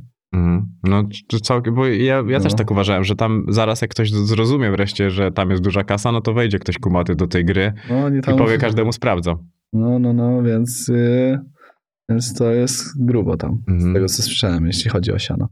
A jest tam już ktoś poważny? Bo ja widziałem, że mają Bombardiera chyba, mają Normana. No, Wrzoska tam rzuci, no jeszcze takiego super ten, ale myślę, że kwestia czasu. Mhm. O, to widzisz, to jest... E, już to chyba wywalili tego kamerzystę i tak dalej. Mhm. Nauczył myślę. Bo to tam trzeba po prostu zbudować. No to zawsze potrzebuje czasu, bo to po no. prostu musi nabrać marki i znaczenia, bo myślę, że no High League ogólnie zaczął chyba dobrze od samego początku, jak tak sobie myślę. Dobrze zaczął, ale ta trzecia gala średnio, plus teraz przez ten przypał z tymi kiblami mhm. na minus, nie? Mhm trochę stracili tą galą. I nie zrobili walki, kurde, Don Diego kontra Denis, która była najbardziej pożądaną walką, nie? Tylko z tego, co ja rozmawiałem z ludźmi tam w którym mieście, to każdy wiedział, że to się nie odbędzie. No. To, to, jest dla, mnie, właśnie, to no. jest dla mnie bardzo dziwne, bo podobno każdy wiedział, że tak to, tak to się skończy. No. Że tam ten jeden z tych e, gości poleciał za grubo. za dużo właśnie gadał, bo myślał, że może sobie mówić bez konsekwencji, a się okazało, że nie można mówić bez konsekwencji. No właśnie, to, kurde, to, to jest taki świat, który nawet nie chcę, nie chcę głębiać, bo to oni zaraz... Znaczy, bo, bo... nie, bo nie możesz nic przewidzieć. Ale to nie? był u mnie taki e, raper e, i na kanałach komentarzy go cisnięto to on powiedział, że on nie będzie tego komentował, tylko on ich wyłapie ich napierdoli. No i się, bo jest, wiele osób nie jest świadomych, że takie rzeczy się dzieją też, nie? Mhm. No nie, no nie, no bo to jest trochę prawdy, nie? A no, 20% prawdy, a reszta to tak, tak raczej, tak. raczej fikcja. Świat, świat jest tak. Nie, to jest świat, o którym nie masz pojęcia. No nie masz. To mówią murańscy. I Bóg honor ojczyzna. Tak, szedłeś do świata, o którym nie masz pojęcia. Dobra, to zmierzając do końca, co oglądasz za seriale? Mm. Ostatnio ostatnio nic. Mhm, to bardzo Lubię, to powiem, co, co, no. co oglądałem i co, co lubię, zapamiętałem. Mhm. W garniturach Mhm, no to petardo. Tak, Harvey Specter, bardzo. Mhm. Ale to oglądałeś już do końca? E, chyba tam 7 sezonów, czy coś Ósmy takiego. teraz. No to, to muszę w takim razie zobaczyć. E, Wikingów oglądałem. Mhm. Ale tą nową też część? Nie, te nowe to nie, nie. Mhm. Original te. E, Ricky Morty to jestem. Mhm. O, to w ogóle kreskówki to jest dla mnie. Kiedyś nie rozumiałem tego, że jak kreskówki dla dorosłych mogą mhm. być. A, a to, że możesz przenieść swoją wizję właśnie przez to, że to nie jest film, tylko że możesz to narysować, jest niesamowite. Żeby wyprodukować teraz kminę, co, co są w Ricky Morty, mhm. to prze, dużo czasu by to zajęło. Mhm. A tak to sobie narysujesz i co oni tam mają w głowie, no, coś pięknego. To tak jak dinozaur oddychający e, tymi cukierkami. Tak, tak, tak. No i, i możesz to zrobić. No dokładnie, dokładnie. Niesamowite. E, Chłopaki z baraków. Mhm. To też Tego nie widziałem. Oj, ciekawe. Ciekawa produkcja. W ogóle kiedyś jakoś się wkręciłem na studiach, obejrzałem 12 sezonów. więc, e, więc jest mocne. Tam w ogóle w dziesiątym chyba sezonie e, zamienia się, zjedli bardzo dużo grzybów, bo mm. uciekali przed policją. Mieli cały worek grzybów, więc najedli się tych grzybów i kończy się odcinek, po czym dwa ostatnie sezony są w animacji. Że najarani weszli. A to fajny pomysł. W tak, i przenieśli się przez te grzyby do, do świata animacji. No, zajebiste, nie? Mm-hmm. A muzycznie teraz e, czego słuchasz? Bo jak byłeś e, dzieciakiem, to mówisz, że to, co słyszałeś u mm-hmm. brata przez ścianę, a jak teraz jesteś dorosły? Rapu dużo polskiego lubię, ale przeróżnego, od takiego, od tego mainstreamowego, co leci e, imprezkowo. Mhm. E, tak z poważniejszych to Aviego na przykład mhm. lubię bardzo. Ostatnio KSW go spotkałem, też piąteczkę przybiłem mhm. i mówię, że szanuję bardzo. E, lubię też muzykę taką house'ową trochę. Mhm. Coś taka, wiesz, taka, żeby puścić na jachciku jakby. Taki, tak sobie wyobrażam, że kiedyś to będę puszczał sobie na jachcie, jak mi się uda nazbierać.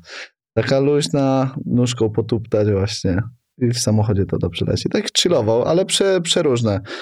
Przeróżne gatunki słucham. To, co mi się spodoba. Nie, okay. nie deklaruję się w jedną stronę. I tutaj też nie ma ograniczeń. No, nigdzie. Właśnie wczoraj dzie, y, dziewczyny takie się mnie pytały, jaki jest mój ulubiony kolor, bo siedzieliśmy -hmm. tam w Luna Parku. Ja mówię, że właśnie teraz nie mogę się zdeklarować, bo jest czas poznawania u mnie. Nie mogę, jakoś tak sobie ustawiłem taki mindset, że nie mogę w jedną rzecz się skierować.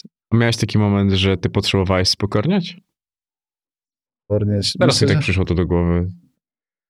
No bo zobacz, masz taki moment poznawania, mm-hmm. takiego, tak jakbyś się trochę na nowo narodził, tak, tak jakbyś tak trochę o tym opowiadasz. No to myślę, że no pewnie tak, po tym jak tak ludzie po mnie jechali, to pewnie sobie stanowałem trochę z tym wszystkim, a teraz znowu sobie a to miałeś coś takiego, co usłyszałeś o sobie i naprawdę cię zabolało? Myślę, że jest nawałnica tego wszystkiego po prostu. Czyli jakby tak. skala, a nie pojedyncze... Skala, no, nie, nie jakieś pojedyncze rzeczy, które mnie tam wbiły. No, najsmutniejsze dla mnie to było wszystko, że dalej uważam, że miałem w tym wszystkim rację, tylko nie potrafiłem tego przedstawić. I, i to było najsmutniejsze i to było takie tragiczne właśnie, jak jakaś mm -hmm powieść tragiczna, że mimo, że tam masz rację, to nie, i tak nie możesz tego pokonać, nie? Więc mhm. jesteś tragedia po prostu. No niestety. I ktoś pisze do tego swój scenariusz. Tak, tak, tak. Jeszcze jest obrócona w drugą stronę, nie? No ale... Bo to, wiesz, bo to jest tak, że pacynka się rusza, to wtedy ktoś zmienia układ tego i mm. to, to, taką pacynką po prostu się jest wtedy w takiej układance tylko i wyłącznie. No dokładnie. No. Nie wiem, no tak, tak mi się wydaje, że, że coś, coś takiego. Czy, czy mi odwaliło jakoś kiedyś bardzo? Nie wiem, może. Ja nigdy tego od siebie jakoś nie odczułem, że czułem się od kogoś jakiś lepszy. Mhm. Ale no nie wiem. Ja zawsze właśnie mam też taki syndrom, że, że jak widzę kogoś wykluczonego z grupy na przykład, mhm. że są cwaniaczki, co są na przykład, kiedyś byłem na jakiejś imprezie i nie pamiętam już, gdzie to było. Była taka grupa ludzi, co, co chciała podbić. I tak widać, mhm. że takie cwaniaczki bardziej. I stał jakiś taki też właśnie grubszy ziomeczek i bił bilard obok. Mhm. I oni chcieli ze mną zagrać w bilarda, te cwaniaki, żeby się tam, wiesz, podbić jakoś do mnie. Ja mówię, nie, już jestem z tym gościem umówiony.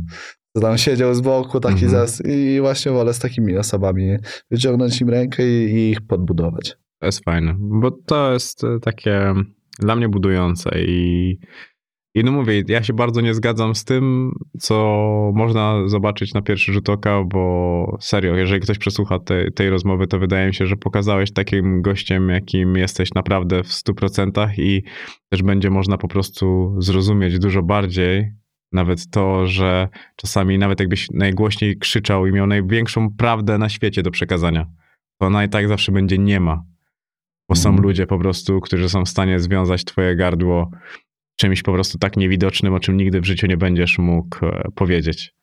I to jest e, klucz e, tego wszystkiego, a ten klucz niczego nie otwiera, nie? Bo to jest tylko i wyłącznie przepaść, w którą możesz wpaść, albo możesz szukać innej drogi.